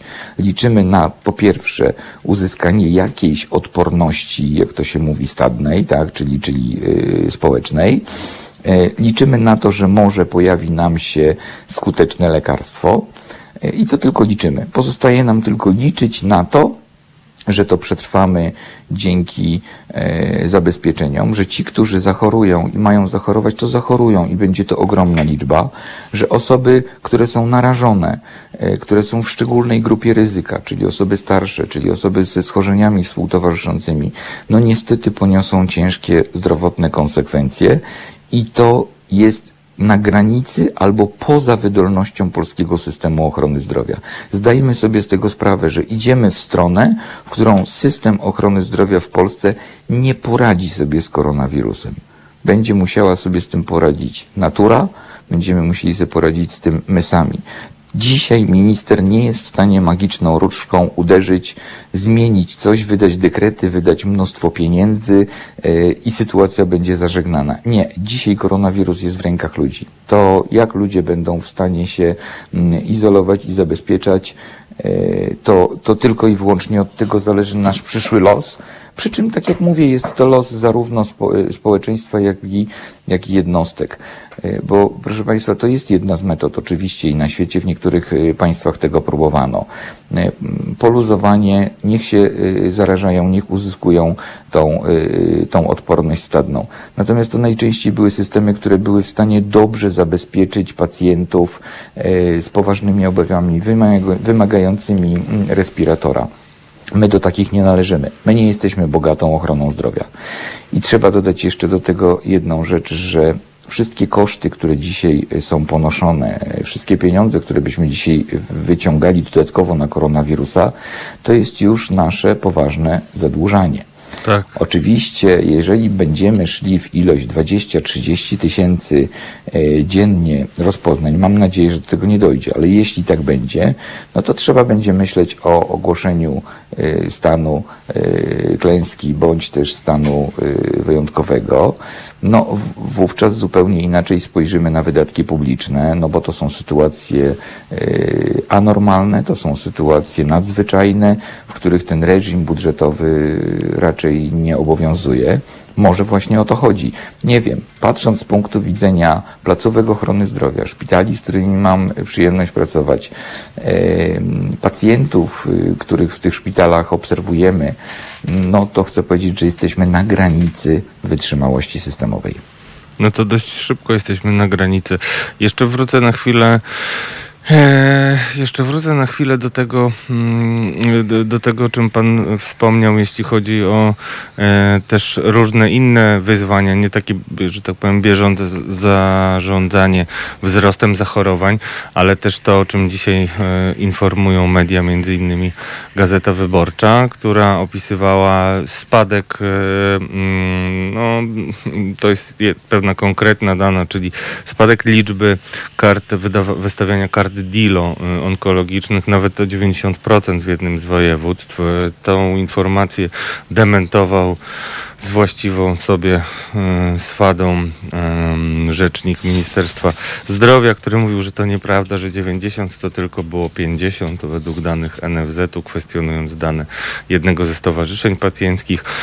E, Ja tak się zastanawiam, czy nawet gdyby to było 30%, to czy to nie powinno być bardzo alarmujące i co zrobić, żeby taka sytuacja się nie powtarzała, bo te najnowsze dane wskazują na pewien wzrost. Czy może nam pan coś opowiedzieć właśnie o onkologii, wychodząc od tych kart e, DILO, czym są te karty DILO, co to nam pokazuje i jaka w ogóle jest sytuacja pacjentów chorych e, onkologicznie?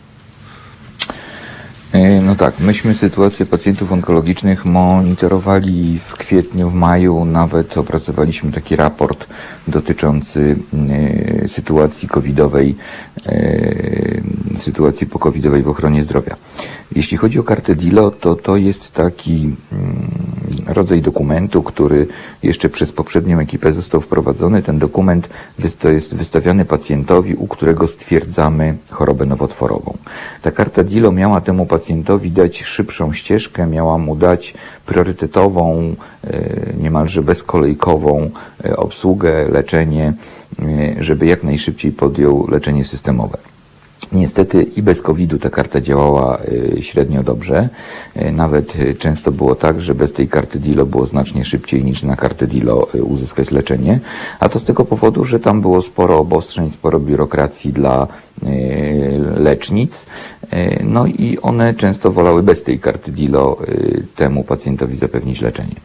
Bezsprzecznie polska onkologia jest w tej chwili w trakcie transformacji. Tworzy się tak zwana sieć onkologiczna. No, tej koordynacji tam jeszcze brakuje. Więc jak do tego nam doszedł koronawirus, no to cóż, po pierwsze e, wystraszyły się placówki. No bo boją się o tego pacjenta onkologicznego, więc często odraczano e, leczenie, odraczano diagnostykę, przesuwano, no bo koronawirus, niech on się nie zarazi. Później, kiedy troszkę oswoiliśmy się z tym koronawirusem, no to rozpoczęła się realizacja świadczeń, ale ta realizacja świadczeń też była gorsza przez to, że te, ten reżim sanitarno-epidemiologiczny, czyli to przygotowywanie pacjenta, często testowanie go na wejściu, to spowalniało czas przyjęcia i powodowało, że tych pacjentów obsługiwało się mniej. Do tego nałożył się strach samych pacjentów. e, bo i oni się bali przyjść do lecznicy, do szpitala, do przychodni, bo każdy mówił, no tak, pójdę, a tam będzie koronawirus, ktoś będzie z koronawirusem, jeszcze się zarażę i, i, i umrę, pomimo, że mógłbym tego raka leczyć. Te wszystkie zjawiska spowodowały, że tych pacjentów onkologicznych rzeczywiście leczonych jest mniej, diagnostyki jest mniej. Ta karta DILO zatem, jeżeli byśmy ją traktowali jako barometr ilości pacjentów uzyskujących pomoc e, przy rozpoznawaniu i leczeniu nowotworu, rzeczywiście tych kart DILO jest mniej, jest ich dużo mniej. Nie będę się licytował, czy jest ich 50% mniej, czy 30% mniej, bo nawet 10% mniej powinno alarmować. Z drugiej też strony, to co powiedziałem na samym początku, nasz system jest na skraju wydolności. Przy, przed weekendem była wielka batalia o jeden ze szpitali w Krakowie, który chciano przekształcić w szpital e, covidowy tak zwany, no a w tym e, szpitalu leczy się e, dużo pacjentów onkologicznych. Ci pacjenci onkologiczni straciliby leczenie, musieliby szukać pomocy w innych placówkach. No na szczęście wojewoda szybko tę decyzję zmienił, ale to jest pokazanie, że my dzisiaj już stajemy przed wyborami. My już się dzisiaj, my już dzisiaj wybieramy, czy będziemy leczyli tych z covidem, czy będziemy leczyli tych onkologicznych. Bo może temu onkologicznemu zakładamy nic się wielkiego nie stanie, jak on, go odroczymy w leczeniu na tydzień, dwa. Ale z całą pewnością mu się stanie, a jak go odroczymy na miesiąc czy dwa miesiące, no to on po prostu umrze, tak? Bez, bez leczenia. Więc takie dziedziny jak onkologia rzeczywiście są zagrożone rzeczywiście y, dostępność do leczenia onkologicznego spadła, tak jak spadła dostępność do innych terapii, które są terapiami ratującymi życie, które są potrzebne. Ja już y, jestem zatrwożony o nasz y, system interwencji i reagowania w przypadku e, epizodów kardiologicznych. Przecież mamy sieć, e, która zabezpiecza nagłe przypadki kardiologiczne. Jakie szanse ten nagły przypadek kardiologiczny będzie miał w sytuacji, w której szpital będzie cały zapchany mm, koronawirusem? E, więc onkologia, podobnie jak inne te wrażliwe, szczególne dziedziny, na koronawirusie bardzo straciła i bardzo traci. Pomimo wysiłku pracowników ośrodków onkologicznych. Ja tych ośrodków onkologicznych wiele w Polsce znam. Spora z nich część to są mm, moi klienci. E, I dzisiaj podstawowe problemy, jakie rozwiązujemy, to problemy organizacyjne, to problemy y, z tym, aby zrobić wszystko, żeby jak najwięcej pacjentów przyjąć, chociaż ta przepustowość jest już dużo mniejsza. Hmm. Panie Rafale, jeszcze chciałem spytać, e, przepustowość przepustowością, ale czy w ogóle... E, po zmianie na stanowisku ministra zdrowia odczuwa Pan jakąś e, zmianę koncepcji i podejścia e, w e, działaniach e, ministerstwa? Bo rzeczywiście już e, propagandowe obrazki są takie, że kiedy był dzielny minister podkrążony oczy Szumowski, to wszystko jakoś było pod kontrolą, a przyszedł nowy i nagle się mleko rozlewa. Pytam o to dlatego, że rzeczywiście mamy na czele ministerstwa e, osobę bez e, politycznego zaplecza. E, i czy tak trochę mnie pan zainspirował tym wątkiem, wtrętem e, kozłów ofiarnych, których pan e, wspomniał. Czy to nie będzie tak, że po prostu mamy taki rasowy zderzak w Ministerstwie Zdrowia i potem, jeżeli coś nie wyjdzie, to on zostanie obarczony odpowiedzialnością, będzie nowy minister, nowe otwarcie i tak będziemy gonić króliczka, a tak naprawdę e, wszystko to e, nie zmierza donikąd, bo skąd się bierze taki brak planu realnego? Dlaczego ministerstwo i władza nie potrafi powiedzieć, jaki ma dokładnie pomysł, tylko cały czas trzyma nas w takiej niepewności. Zobaczymy, e, jak to się ułoży. Poczekajmy 7-10 dni, poczekajmy 3 miesiące, poczekajmy to, tamto. Z czego wynika ta apatia? I czy... No. To... E, myślę, że tak. Po pierwsze, e, rzeczywiście pan minister ma trudne zadanie. On od samego początku miał trudne zadanie i bez koronawirusa. E, Minister Szumowski y, to jest w tym przypadku, w przypadku koronawirusa rzeczywiście jego atut. On jest lekarzem, jest profesorem. On, to nie oznacza, że on się musi znać świetnie na koronawirusie i że on musi świetnie medycznie wiedzieć, jak postępować i jakie wdrażać strategie. To na pewno nie. Natomiast sposób myślenia medyka jest trochę inny. Medycy przyzwyczajeni są do śród konsultacji, do budowania szerokiego środowiska w, sy- y, y, takiego merytorycznego w sytuacji, kiedy mamy kryzys. I tu minister Szumowski rzeczywiście e, zasięgał opinii, informacji od wielu ekspertów, y, klinicystów, medyków. E, Ja wiem, że on zapoznawał się z światową literaturą, e, z publikacjami, które powstają po prostu z godziny na godzinę. Natomiast jeśli chodzi o pana ministra Niedzielskiego, to, jest, y, to nie jest medyk. Em, W sytuacji, gdyby nie było koronawirusa, może to i by była dobra strategia, no bo on tutaj systemowo, proceduralnie, algorytmicznie e, rozwiązywał problemy ochrony zdrowia. Teraz te algorytmy y, to nie do końca dobrze zadziałają. E, Przynajmniej jeśli chodzi o taki mój odbiór ludzki, społeczny. Bo oczywiście my w medycynie często mamy algorytmy. Podchodzimy do tego, jeśli to, robimy to. Jeśli występuje objaw taki, robimy tak. Ale to jest sytuacja nietypowa. My nie mamy standardów postępowania covidowych. Nigdzie ich na świecie nie ma. Każdy wypracowuje je sobie po swojemu, bo to jest nowa sytuacja. Tu trzeba myślenia potencjału intelektualnego, klinicznego, medycznego w połączeniu z tym zarządczym. Pan minister Niedzielski ma świetne zarządcze, procesowe i on tu działa trochę jak komputer. Gdybyśmy włączyli komputer i ustawili, żeby on wymyślał najlepsze algorytmy, to pan minister Niedzielski tak robi. I mówi o przydeptywaniu hamulca i będziemy go coraz tam bardziej przydeptywać i będziemy tutaj działać, będziemy wdrażać nowe narzędzia, czyli będziemy patrzeć, jak umiera, to, to podejmujemy akcję ratun- ratunkową. No nie, w medycynie mamy robić wszystko, żeby nie umierał, żeby nie wprowadzać w stan zagrożenia. A tutaj niestety w ten zagro- stan zagrożenia weszliśmy. Pan minister Niedzielski w mojej ocenie nie jest y, otoczony y, takim, taką grupą ekspercką i nie otacza się taką grupą eksper- ekspercką. Y, to, każdy ma swój sposób zarządzania. Pan minister ma taki, bierze byka za rogi, y, działa sam autokratywnie, wyciąga wnioski ze swoich działań, te działania potem zmienia, poprawia, y, no ale pamiętajmy, że to jest sytuacja nietypowa. Czy będzie kozłem ofiarnym? Nie sądzę. Nie sądzę, aby był kozłem ofiarnym i nie sądzę, aby został postawiony na to stanowisko jako człowiek, który zmierzy się z rzeczą niemożliwą do zmierzenia się, bo myślę, że naprawdę rząd był przekonany, że my z tym koronawirusem sobie poradziliśmy i że ta jesienna fala wzrostów nie będzie taka duża i nie będzie taka zagrażająca.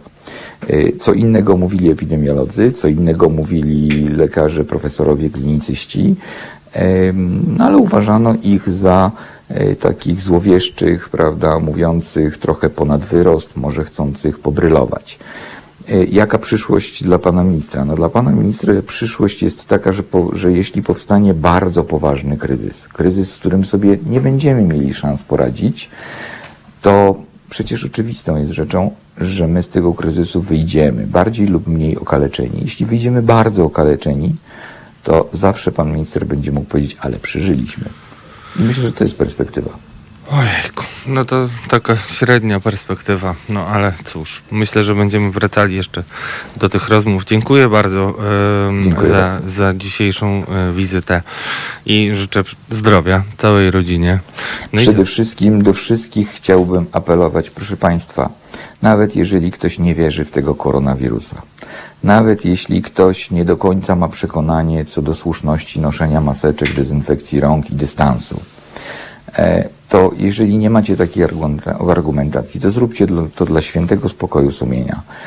Zróbcie to, pilnujcie się, starajcie się zachowywać dystans, rozmawiajcie z ludźmi, pytajcie z kim mieli kontakt, starajcie się chronić siebie i innych, bo naprawdę, naprawdę w tym jest jedyny sposób na poradzenie sobie i nawet gdyby naszym ministrem dzisiaj został główny czeladnik yy, z cechu rzemiosł różnych, to poradzimy sobie z koronawirusem przy jego niewiedzy zarządzania i jego niewiedzy medycznej, jeśli my sami będziemy siebie izolować.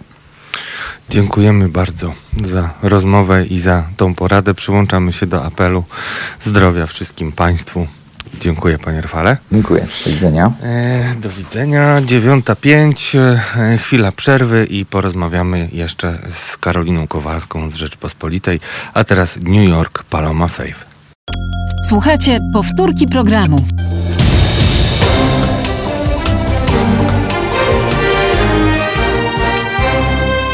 Halo Radio. Dzień dobry Polsko, 12 października, 9.15. Zapraszam naszą gościnią. Teraz jest e, Karolina Kowalska, dziennikarka Rzeczpospolitej, znana i lubiana przez Państwa. Dzień dobry Pani redaktor. Dzień dobry, panie redaktorze. No to zacznijmy może od tego, co jest najbardziej mm, bieżące. Pisała Pani ostatnio o tym właśnie, że respiratory mamy, ale z e, anestezjologami potrzebnymi do e, zabezpieczenia pacjentów pod respiratorami jest, e, pod respiratorami jest dużo gorzej. Ja nawet zacytuję Pani tweeta, gdzie pisała Pani, że chciała Pani w tytule dać i Ty możesz zostać anestezjologiem. Wspominaliśmy w poprzedniej Chciałam. Rozmowie. Tak, no ironia jest y, jasna. Y, Po pierwsze, czy to, y, co mamy dzisiaj, y, jeśli chodzi o informacje, które mm, zapowiada i plany, które chce wprowadzić Ministerstwo Zdrowia, wskazuje na to, że my szykujemy się na taką, hmm, no na scenariusz lombardzki, czyli jednak bardzo duże wzrosty zachorowań, no i zapełnione szpitale. Czy wygląda na to, że Ministerstwo Zdrowia e, jest, e, obawia się takiego scenariusza? Ministerstwo uspokaja, bo pewnie nie byłoby dobre dla nikogo, gdyby mówiło otwarcie, że spodziewa się tego, że będziemy mieć mnóstwo ludzi na oddziałach intensywnej terapii, przeładowane szpitale i kompletny brak personelu do obsłużenia tych ludzi, a przede wszystkim tego, że lekarze będą musieli wybierać, kogo podłączyć do respiratora, ale widać, że no, Trzeba mu oddać, że przynajmniej szykuje się na taką ewentualność. Szkoda, że nie zaczął e, się szykować pół roku temu, to mówią lekarze, to mówią eksperci, no ale dobrze, że przynajmniej teraz o tym myśli i w, mm, e, piątek e, pojawiło się takie znowelizowane rozporządzenie w sprawie standardów anestezjologicznych. Te standardy są bardzo surowe, przewidują konkretną liczbę personelu na e, liczbę łóżek. Tam musi obok takiego pacjenta na intensywnej terapii kręcić się bardzo dużo osób i musi go stale nadzorować. A teraz e, na czas pandemii te bardzo rygorystyczne e, wymagania będą złagodzone. Ale dzieje się tak też dlatego, żeby w sytuacji, gdy ten OJOM trzeba będzie y, doludnić, to znaczy, gdy na tym ojomie będzie trzeba położyć 20 osób, a nie 5, to nie będzie to wbrew żadnym standardom, to raz. E, Druga rzecz to jest taka, że y, ministerstwo pozwoliło na czas pandemii samodzielnie dyżurować na takim oddziale intensywnej terapii rezydentowi czwartego roku specjalizacji z anestezjologii intensywnej terapii. Ta, ta specjalizacja trwa 6 lat, pod warunkiem, że taki rezydent y, przepracował pół roku w takim oddziale. No a trzecia rzecz, która się teraz dzieje w związku z respiratorami, to jest y, coś, co krąży po necie. Nie wiem, czy pan redaktor widział taki okulnik wydany przez dyre- zastępcę dyrektora do spraw medycznych Szpitala Nowołoskiej w Warszawie, szpitala covidowego. Y, Jeszcze do niedawna dyrektor napisał do szefów klinik, że zachęca do zgłaszania osób, które chciałyby się przyuczyć obsługi respiratora, ponieważ zwiększa się liczba zakażonych, zwiększa się liczba osób leżących na e, oddziale intensywnej terapii i być może w najbliższym czasie trzeba będzie respiratory e, również e, rozdać na inne oddziały i ktoś je będzie musiał na tych oddziałach obsługiwać. Ktoś będzie musiał. E, To porozmawiajmy jeszcze mm, o e, innym aspekcie e, zachęcania młodych lekarzy do tego, e, żeby, jak to pani powiedziała, zaludniali te szpitalne korytarze po to, żeby mm, zajmować się pacjentami covidowymi. Mamy akurat taką sytuację, że mm, jeszcze niedawno wspólnie pisaliśmy o proteście medyków przeciwko zaostrzeniu prawa, które y, grozi więzieniem za, y, za błędy medyczne. Teraz jest taki dobry moment, y, żeby może się z tego wycofać. Słyszałem dzisiejszą poranną wypowiedź rzecznika Ministerstwa Zdrowia, który zapewniał, że absolutnie nie było takiej sprawy, że ktoś zachęca do karania szczególnie surowego lekarzy. Lekarze e, zwracali uwagę, że jest inaczej. Co w ogóle się wydarzyło od momentu tej manifestacji ona miała miejsce chyba 8 sierpnia, czyli 8. no właśnie, czyli minęły dwa miesiące.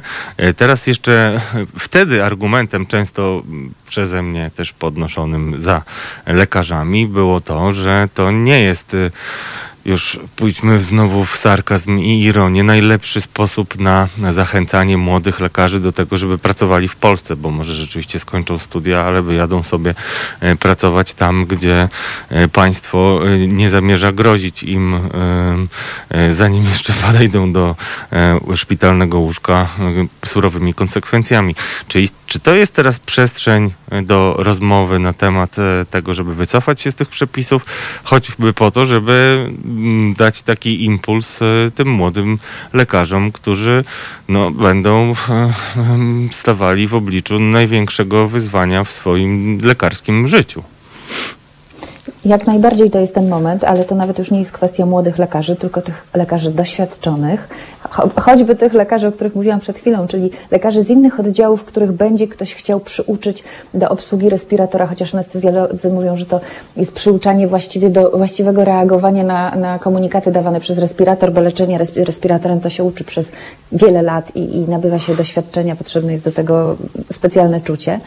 No i teraz tak, wyobraźmy sobie, że ktoś z chirurgii, lekarz chirurg czy lekarz okulista zgadza się, y, mówi, dobrze, postawcie mi ten respirator tutaj na oddziale i ja będę e, opiekował się tym pacjentem covidowym, będę patrzył, jak on reaguje. I kiedy y, za, zapika czerwona lampka, to ja włączę zielony przycisk, ale kiedy zapika żółta, to ja będę wiedział, że trzeba zadzwonić po specjalistę e, z góry.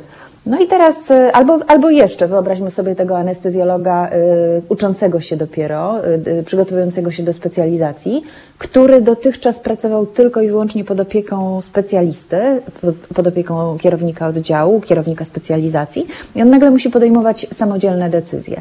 Czy on zechce to robić? Moim zdaniem nie, bo on wie, że jeżeli zrobi coś, do czego nie jest uprawniony, a bo albo nie ma jeszcze tej specjalizacji, albo ma zupełnie inną i nigdy nie był przygotowany do e, leczenia na, w takich warunkach, na takim oddziale, no to on stwierdzi, nie no, przepraszam, ja nie będę się poświęcał, pacjent mi umrze z powodu zdarzeń niepożądanych, bo ten zdarzeń jest chyba kilkanaście procent, czyli bez, bez względu na to, czy lekarz będzie robił wszystko zgodnie z zasadami, czy nie, to i tak w kilkunastu procent przypadków może się stać coś, co spowoduje, że ten pacjent umrze, czy dozna jakiegoś trwałego uszczerbku na zdrowiu. Więc lekarz sobie pomyśli, nie, ja nie będę się narażał, ja nie będę e, ryzykował tym, że pójdę do więzienia. Trudno, niech ci ludzie umierają. Ja chcę żyć, ja chcę wychowywać swoje dzieci, chcę mieć rodzinę, chcę.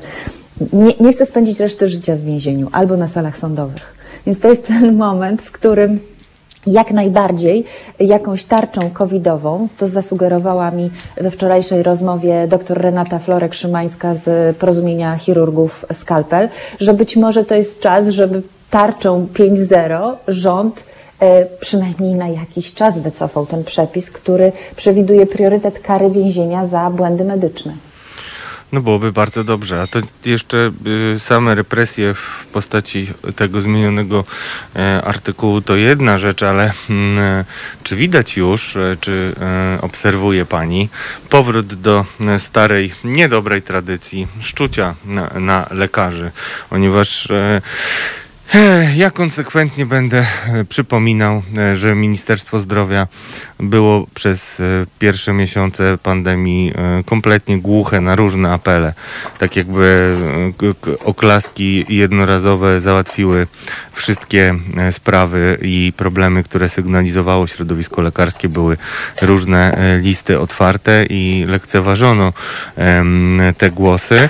A mamy też jeszcze zbieg e, ciekawy e, okoliczności w postaci 20 października, kiedy ma odbyć się kolejna rozprawa w sprawie, którą wytoczyła dr Katarzyna Pikulska e, w TVP. To jest e, ta pani doktor, która jest jedną z liderek e, środowisk młodych lekarzy e, i która została ohydnie oczerniona i pomówiona i obrażona przez e, TVP Info w czasie protestów młodych lekarzy, kiedy to e, e, udający dziennikarze, pracownicy TVP Info przygotowali taki materiał o tym, jak boskie życie jest młodych lekarzy, e, sugerując, że pani Katarzyna sobie po, podróżuje po świecie, używa życia, a tymczasem zdjęcia były z e, udziału w misjach medycznych. E, no i pani doktor uznała, że nie można tego zostawić. Czy pani już widzi mm, takie pierwsze sygnały, że nagonka na lekarzy może się powtórzyć, czy jednak rząd będzie szukał gdzie indziej kozłów ofiarnych? Jak to pani odczuwa? Ja myślę, że tym razem e, rząd, mam nadzieję, na pewno nie będzie szukał gdzie indziej kozłów ofiarnych i e, e, być może właśnie form, e, ta nagonka przybierze taką formę, że nie złagodzi tych przepisów. I to by było najgorsze, co będzie mógł zrobić dla nas, dla społeczeństwa, chyba najmniej dla lekarzy samych. Natomiast wydaje mi się, że TVP już nie odważy się na taki ponowny ruch. Ja myślę, że proces, to to, co się stało po, po, po, po tym, jak okazało się, że zarzucano Kasi Pikulskiej, doktor Pikulskiej e, wycie, luksusowe wycieczki, podczas gdy ona miała jeden, jedyny dzień przerwy e, na misji medycznej w rejonie zajętym wojną, w przerwy od ratowania tak naprawdę cywilów dotkniętych działaniami wojennymi. Myślę, że już drugi raz żadna telewizja nie odważy się na szczucie na lekarzy i, i, i no to jest jedyny plus tego tej żenującej sytuacji. Ten proces, rzeczywiście druga odsłona tego procesu będzie 20 października. E, Rok temu odbyła się, odbył się pierwszy proces, pierwsza rozprawa w tym procesie. Wówczas e, zeznawał autor e, tego tekstu paszkwilu na doktor Pikulską. E, Teraz e, wiemy, że ma zeznawać, mają zeznawać ci, którzy wydali mu takie polecenie. I to jest e, bardzo dobra koincydencja, że ten proces, e, że ta druga rozprawa odbywa się właśnie teraz. Być może to pokaże rządzącym, przypomni im, że tych lekarzy szczuć nie wolno, a wręcz trzeba ich jakoś docenić, a już na pewno należy pomyśleć o tym, żeby zwolnić ich z odpowiedzialności m, z artykułu 37a kodeksu karnego, o którym przed chwilą mówiliśmy. Mhm. Też bardzo chciałem podziękować e, Tobie, Karolino, że pilnujesz tej sprawy i chylę nisko czoła, e, ponieważ... Razem pilnujemy.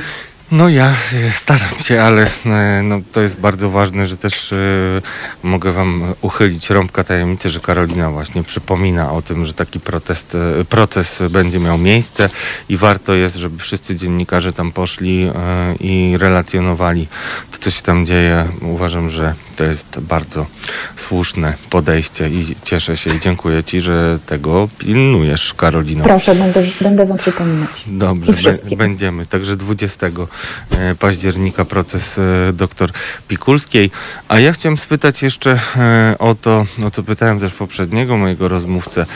Na ile to jest inna sytuacja? Znaczy, na ile zmieni- czy my możemy już mówić o jakimś nowym podejściu do walki z pandemią, które prezentuje e, minister? Bo e, minister, który zmienił Łukasza Szumowskiego, bardzo popularny polityk, swego czasu najpopularniejszy, e, jakoś nie widać, żeby zostawił po sobie strategię. Tą strategię, rozumiem, stara się teraz jakoś stworzyć minister. No, zaczęło się między innymi od tego pomysłu, żeby przerzucić ciężar rozpoznawań i, i zlecania badań na lekarzy rodzinnych w większym stopniu niż do tej pory. E, No ale Trzy dni temu minister tak z rozbrajającą szczerością mówi, że jest zaskoczony wzrostem. Ehm, Jak to jest, jeśli chodzi o myślenie długofalowe? Czy pani w ogóle zaobserwowała jakąś zmianę w Ministerstwie Zdrowia, pani Karolino? Zmianą jest to, że minister e, tworzy różne zespoły robocze do różnych spraw. Jest na przykład zespół do spraw strategii, o którym ostatnio rozmawialiśmy, który się spotkał bodajże dwa razy i nie wiem, czy pracuje nad tą strategią. E, pewnie ministerstwo się obroni, że, że sytuacja jest tak dynamiczna, że trudno tutaj zastosować jakąkolwiek strategię. Natomiast właśnie y, na poziomie szpitali, z takiego praktycznego punktu widzenia, widać, że już pół roku temu e, powinno, e, powinno się, nie wiem, wydać jakieś polecenie, żeby szpitale się przygotowywały do tego, co jest teraz na jesieni, do tego wzrostu, bo epidemiolodzy jasno sygnalizowali, że po pierwsze w sezonie jesiennym nałożą się dwie e, e, dwa sezony, grypowy, no i sezon covidowy, jak się nałożą to w organizmie, to niestety y, przechorowywać się te obie wirusówki będzie, choroby wirusowe będzie y, trudniej. A druga rzecz jest taka, że przecież my wypuściliśmy całe społeczeństwo radośnie, my, rząd wypuścił w czerwcu na wakacje, na wesela, na plażę. Właściwie specjalnie nie, nie zajmował się kontrolowaniem noszenia maseczek w miejscach, w których trzeba to było zrobić. A we, we wrześniu wszystkich tych y, y, ludzi em, jakby naraził na kontakt z posłanymi do szkoły dziećmi, które są, które przenoszą wirusa. Ale w ogóle się do tego nie przygotował. To znaczy przygotował się na taki wzrost zachorowań, bo o tym mówili lekarze, mówili epidemiolodzy, ale nie pomyślał o tym, żeby powiedzieć szpitalom, słuchajcie, macie te trzy miesiące, dwa, mies- cztery miesiące, zastanówcie się, jak y, zabezpieczyć się na wypadek, gdyby e, stała się no, prawie druga Lombardia, to znaczy, że będziecie mieć ludzi na korytarzach, że będziecie mieć za dużo ludzi w stosunku do respiratorów. Przećwiczcie różne procedury, nauczcie wtedy swoich ewentualnie y, lekarzy czy rezydentów innych oddziałów prostej obsługi respiratora, a nie, że mamy e, drugi tydzień października i teraz e, radośnie ministerstwo stwierdza, że no, sytuacja naprawdę nas zaskoczyła i musimy tutaj pozamawiać więcej tych respi- respiratorów, przepraszam, pościągać ich z Agencji Rezerw Materiałowych. Musimy e, złagodzić standardy anestezjologiczne, żeby na oddziale intensywnej terapii można było kłaść więcej pacjentów. No właśnie, a jak pani ocenia y, mm, polityczne rozegranie sprawy wirusa? Znaczy, y, polityczne w tym sensie, że mm, po pierwsze, politycy przez ostatnie miesiące, jak pani sama zauważyła, zajmowali się e, różnymi rzeczami, ale nie tym, co trzeba. E, teraz opozycja żądała zwołania e, Rady mm, Bezpieczeństwa Narodowego. Premier zaprasza do siebie opozycję, przedstawicieli opozycji na dzisiaj. Czy w ogóle wierzy Pani w coś takiego jak e, jakiś ponadpartyjny konsensus i czy to może przynieść, czy są, czy, czy znajduje Pani jakieś postulaty opozycji, które warto by było pokazywać jako sensowne i racjonalne, a z jakichś powodów nie znajdujące uznania em, naszej ekipy rządzącej? To znaczy, jeśli chodzi o taką opozycję, o to, co bardzo wielu ludzi rozumie jako opozycję, czyli koalicję obywatelską, to ja szczerze mówiąc nie widzę takich działań, które mogłyby być postawione za przykład. Ja też nie Ja być może dziękuję, bo ja się głównie sk- skupiam na, na ochronie zdrowia jednak i ba- tak bardzo w to nie wchodzę, ale myślę, że gdyby opozycja bardzo się zajmowała tym, że należy się przygotować na drugą falę wirusa, czy go y, w jakiś sposób zwalczać, to byśmy to widzieli. Ja, ponieważ się y, jakby interesuję i gdzieś tam y, sympatyzuję z tym, co, co robi partia Razem, no to widzę, że oni rzeczywiście co chwila wysyłają interpelacje, pytają się o to, y, chociażby o, o pozostawionych sobie pacjentów z innymi chorobami, chociażby o to, y, o szczepionki przeciwko grypie. I rzeczywiście posłowie lewicy non-stop wysyłają te zapytania poselskie, czy właśnie interpelacje y, jakieś się pojawiają. Natomiast jeśli chodzi o dużą siłę w parlamencie, czyli koalicję, no to nagle, za, nagle ucichła, nagle zamilkła i ja nawet nie widzę żeby marszałek Senatu, który jest no, no, osobą taką bardzo pozytywną w tej koalicji, która coś robi, żeby ostatnio mm, się szczególnie tutaj udzielał. No właśnie, to jest, to jest takie dość smutne. Miałem nadzieję, że może e, coś przeoczyłem, ale widzę, że jednak... Znaczy, że To, jednak to ja nie. nie, za, nie zauważyłam. Znaczy, No widzę właśnie. rzeczywiście aktywność posłów takich pojedynczych i to może nie tylko lewicy e, w zadawaniu pytań. To jest też trudny temat. E, Ogólne, ogólnomedyczne tematy są łatwe, to znaczy łatwo zapytać o respiratory, o to, e, o jakieś ewentualne nieprawidłowości związane z ich zamawianiem, o noszenie maseczek. Ale już trudniej zapytać o dostępność konkretnego leku, bo jak mm, przychodzi do szczegółów, to lepiej, żeby takie zapytanie poselskie pisał na przykład farmaceuta albo lekarz. Nie w każdej partii on jest, nie w każdej partii chce się udzielać. E, No akurat Lewica ma Jerzego Przystajko, ma, ma to szczęście, że tam jest człowiek, który zadaje bardzo trudne pytania. Super. I promujmy e, takie pytania w, e, w sferze Również o publicznej. refundację przypominam, prawda? Tak, tak. Mam nadzieję, że ten temat wróci i się doczeka, jak tylko trochę się ogarniemy. I, i e, chciałem jeszcze zapytać e, o mm, prognozy, bo mm, wracamy do tego mm, przykrego e, jak go nazwaliśmy, scenariusza lombardzkiego, e, jak e, z rozmów z lekarzami e, pani wnioskuje, czy, e, czy te, te obostrzenia, które teraz e, wprowadzono, a o których e, politycy, między innymi wiceminister zdrowia mówi, że powinny przynieść efekt w ciągu 7-10 dni, dają nadzieję na to, że uda się powstrzymać e, wzrost zachorowań, bo e, moim nieco e, e, okiem laika, ale, ale jednak interesującego się tymi zagadnieniami, najbardziej chyba kuleje coś, co miało być e, podstawą, czyli jakby śledztwa epidemiologiczne, tak? Czyli nie wiemy dokładnie skąd ten wirus przychodzi, nie jest to identyfikowane, czy to w ogóle jakby odpuściliśmy to i poszliśmy na pełen żywioł, czy, czy jest tutaj jakiś problem tylko komunikacyjny? No bo ja przywołuję wypowiedź pana Andrzeja, którą widziałem w Polsat News w, wydarzeniach, gdzie on mówił właśnie, że no on był na kolacji z kolegą, czy tam na obiedzie i on nie wiem, może kolega przyszedł bezobjawowo, może inaczej. Czyli my tak naprawdę straciliśmy to, co miało nam e, zapewnić wprowadzenie lockdownu, czyli e, no, monitorowanie ognisk zachorowań i i da- daliśmy się zarazie e, rozpierzchnąć niekontrolowanie, tak czy nie?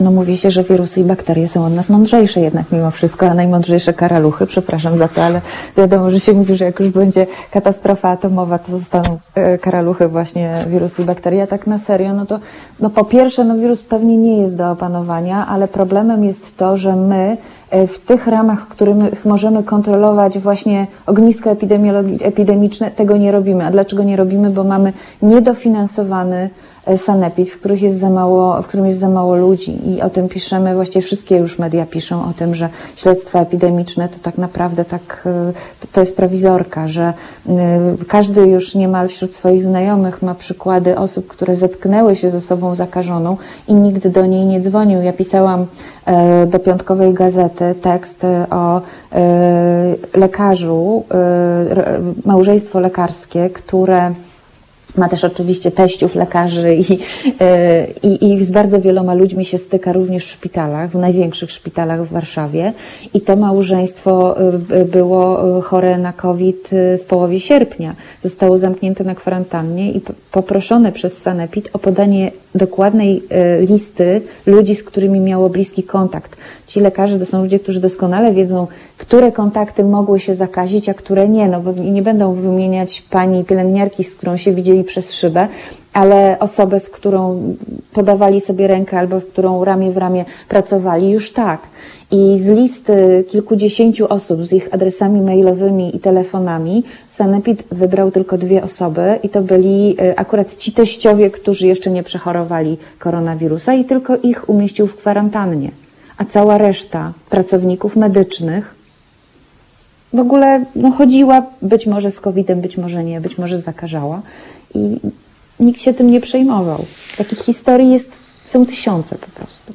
No dobrze, Pani Karolino, to w takim razie już podsumowując, e, co my jako społeczeństwo obywatelskie, co my jako jednoosobowe media w naszych e, portalach społecznościowych i tak dalej możemy wskazywać jako najpilniejsze e, wyzwania dla tego rządu, żeby nasz kochany rząd pamiętał, że patrzymy mu na ręce. To mamy dofinansowanie sanepidu, tak? E, no, I doludnienie tego sanepidu. Druga rzecz, to ja bym jednak posłuchała tym razem e, bardzo uważnie lekarzy. Posłuchałabym e, porozumienia chirurgów Skalpel, których e, e, doktor Pikulska jest przewodniczącą, przypominam. To jest bardzo mocny głos rozsądku. Pani doktor Pikulska raczej no, nie owija w bawełnę, mówi jak jest i, i, i to może się nie wszystkim podobać, ale ja bym jej czy doktor Renaty Florek-Szymańskiej w tym momencie posłuchała, wprowadziłabym tą tarczę 5.0, tą tarczą 5.0 bym zwolniła jednak medyków z odpowiedzialności za ewentualne błędy lekarskie, jeśli nakładam im większe e, obowiązki. I za, zainteresowałabym się tym, co się dzieje w szpitalach. E, dałabym jasne wskazówki na to, jak się zajmować tymi chorymi, których może nagle być bardzo dużo. Tak, żeby nie zakazić tych, którzy właśnie mają inne choroby, ale nie koronawirusa, a jednocześnie jak najlepiej zająć się tymi, dla których w najgorszym przypadku może zabraknąć y, respiratorów. Pani Karolino, jeszcze chciałem spytać, e, bo coraz więcej pojawia się e, tego, mm, znaczy informacji, różnych danych wskazujących na to, jak wiele, e, mm, znaczy jak, jak, jak, wysoka jest cena skoncentrowania się na walce z koronawirusem dla chorych na inne choroby. Między innymi mówi się coraz więcej o tym, jak lockdown wpłynął na pacjentów onkologicznych. Czy jest szansa, że przed kolejnymi wzrostami. Ktoś pomyśli wcześniej e, o tym, jak e, zapewnić pacjentom e, no, bezpieczeństwo w tym sensie, że o ile można było przy pierwszym lockdownie mówić, że sytuacja jest nowa i jeszcze e, ludzie byli też przestraszeni, może to jest też po ich stronie niechęć do zgłaszania się do lekarzy, czy tutaj można liczyć na to, że ta druga fala zachorowań e, nie będzie na przykład owocować e, e, spadkiem ilości dan, e, kart DILO wydawanych i tak dalej, i tak dalej. Czy w ogóle jest na to jakakolwiek nadzieja, czy to w ogóle jest e, tematem dyskusji? Bo pierwsze dane już się zaczęły pojawiać, ale czy istnieje szansa, że ktoś w ministerstwie wyciągnie z tego wnioski? Ja mam taką nadzieję, to jest, to, to, to jest problem na wielu poziomach. Karty DILO często były wydawane przez lekarzy podstawowej opieki e, zdrowotnej, e, czyli tych, którzy jak, jak wszyscy inni, jak również specjaliści na początku pandemii przyjmowali tylko za pośrednictwem teleporady. Druga rzecz to jest rzeczywiście ten strach samych ludzi, którzy stwierdzili, że jest wirus, to nie będziemy chodzić, nawet jak nas boli, to pójdziemy, poczekamy jeszcze dwa tygodnie i przyjdziemy za te dwa tygodnie, jak już się e, zluzuje, a luzowało się bardzo długo, jak wiemy. Trzecia rzecz to to, że ja widzę taki jak oddolny ruch, e, trudno to nazwać oddolnym ruchem, ale widzę takie działania ze strony centrów onkologii, szpitali onkologicznych, które same zaczęły e, dbać o tych swoich pacjentów, pytać się ich, no na tyle ile mogą, bo oczywiście, e, czyli dzwonić do nich, mówić, czy pan tutaj się skontrolował, to, to jest mowa o tych, którzy już mają zdiagnozowanego, czy mieli zdiagnozowany nowotwór i, i być może ten nowotwór może się u nich odnowić, bo trudno mówić o tych, u których dopiero dojdzie do zachorowania, którzy nie wiedzą, że gdzieś tam ten nowotwór się rozwija. Ale ja widzę dużą nadzieję w tym momencie właśnie w takich działaniach e, zupełnie oddolnych, takich niesterowanych przez ministerstwo. E, Czyli myślę, że chyba sami musimy to wziąć w swoje rę- ręce i powiedzieć tej mamie, ciotce, dziadkowi, ojcu, że może byś się poszedł przebadać po prostu. No bo, przepraszam, ale nie mam wielkich nadziei, jeśli chodzi o działania systemowe. Jasne. No ale cóż, trzeba szukać tam nadziei, gdzie jest choćby nawet mała. Dziękuję bardzo pani redaktor. Na- Naszą gościnią Dziękuję. była Karolina Kowalska, dziennikarka Rzeczpospolitej, jedna z najlepszych y, jed, dziennikarek piszących o zdrowiu i moja serdeczna koleżanka. Pozdrawiam cię, życzę ci dużo zdrowia, Karolino. Dziękuję, Wszystkiego, do, wszystkiego dobrego. No i moi drodzy, cóż, 9.42. Em, poniedziałek, 12 października.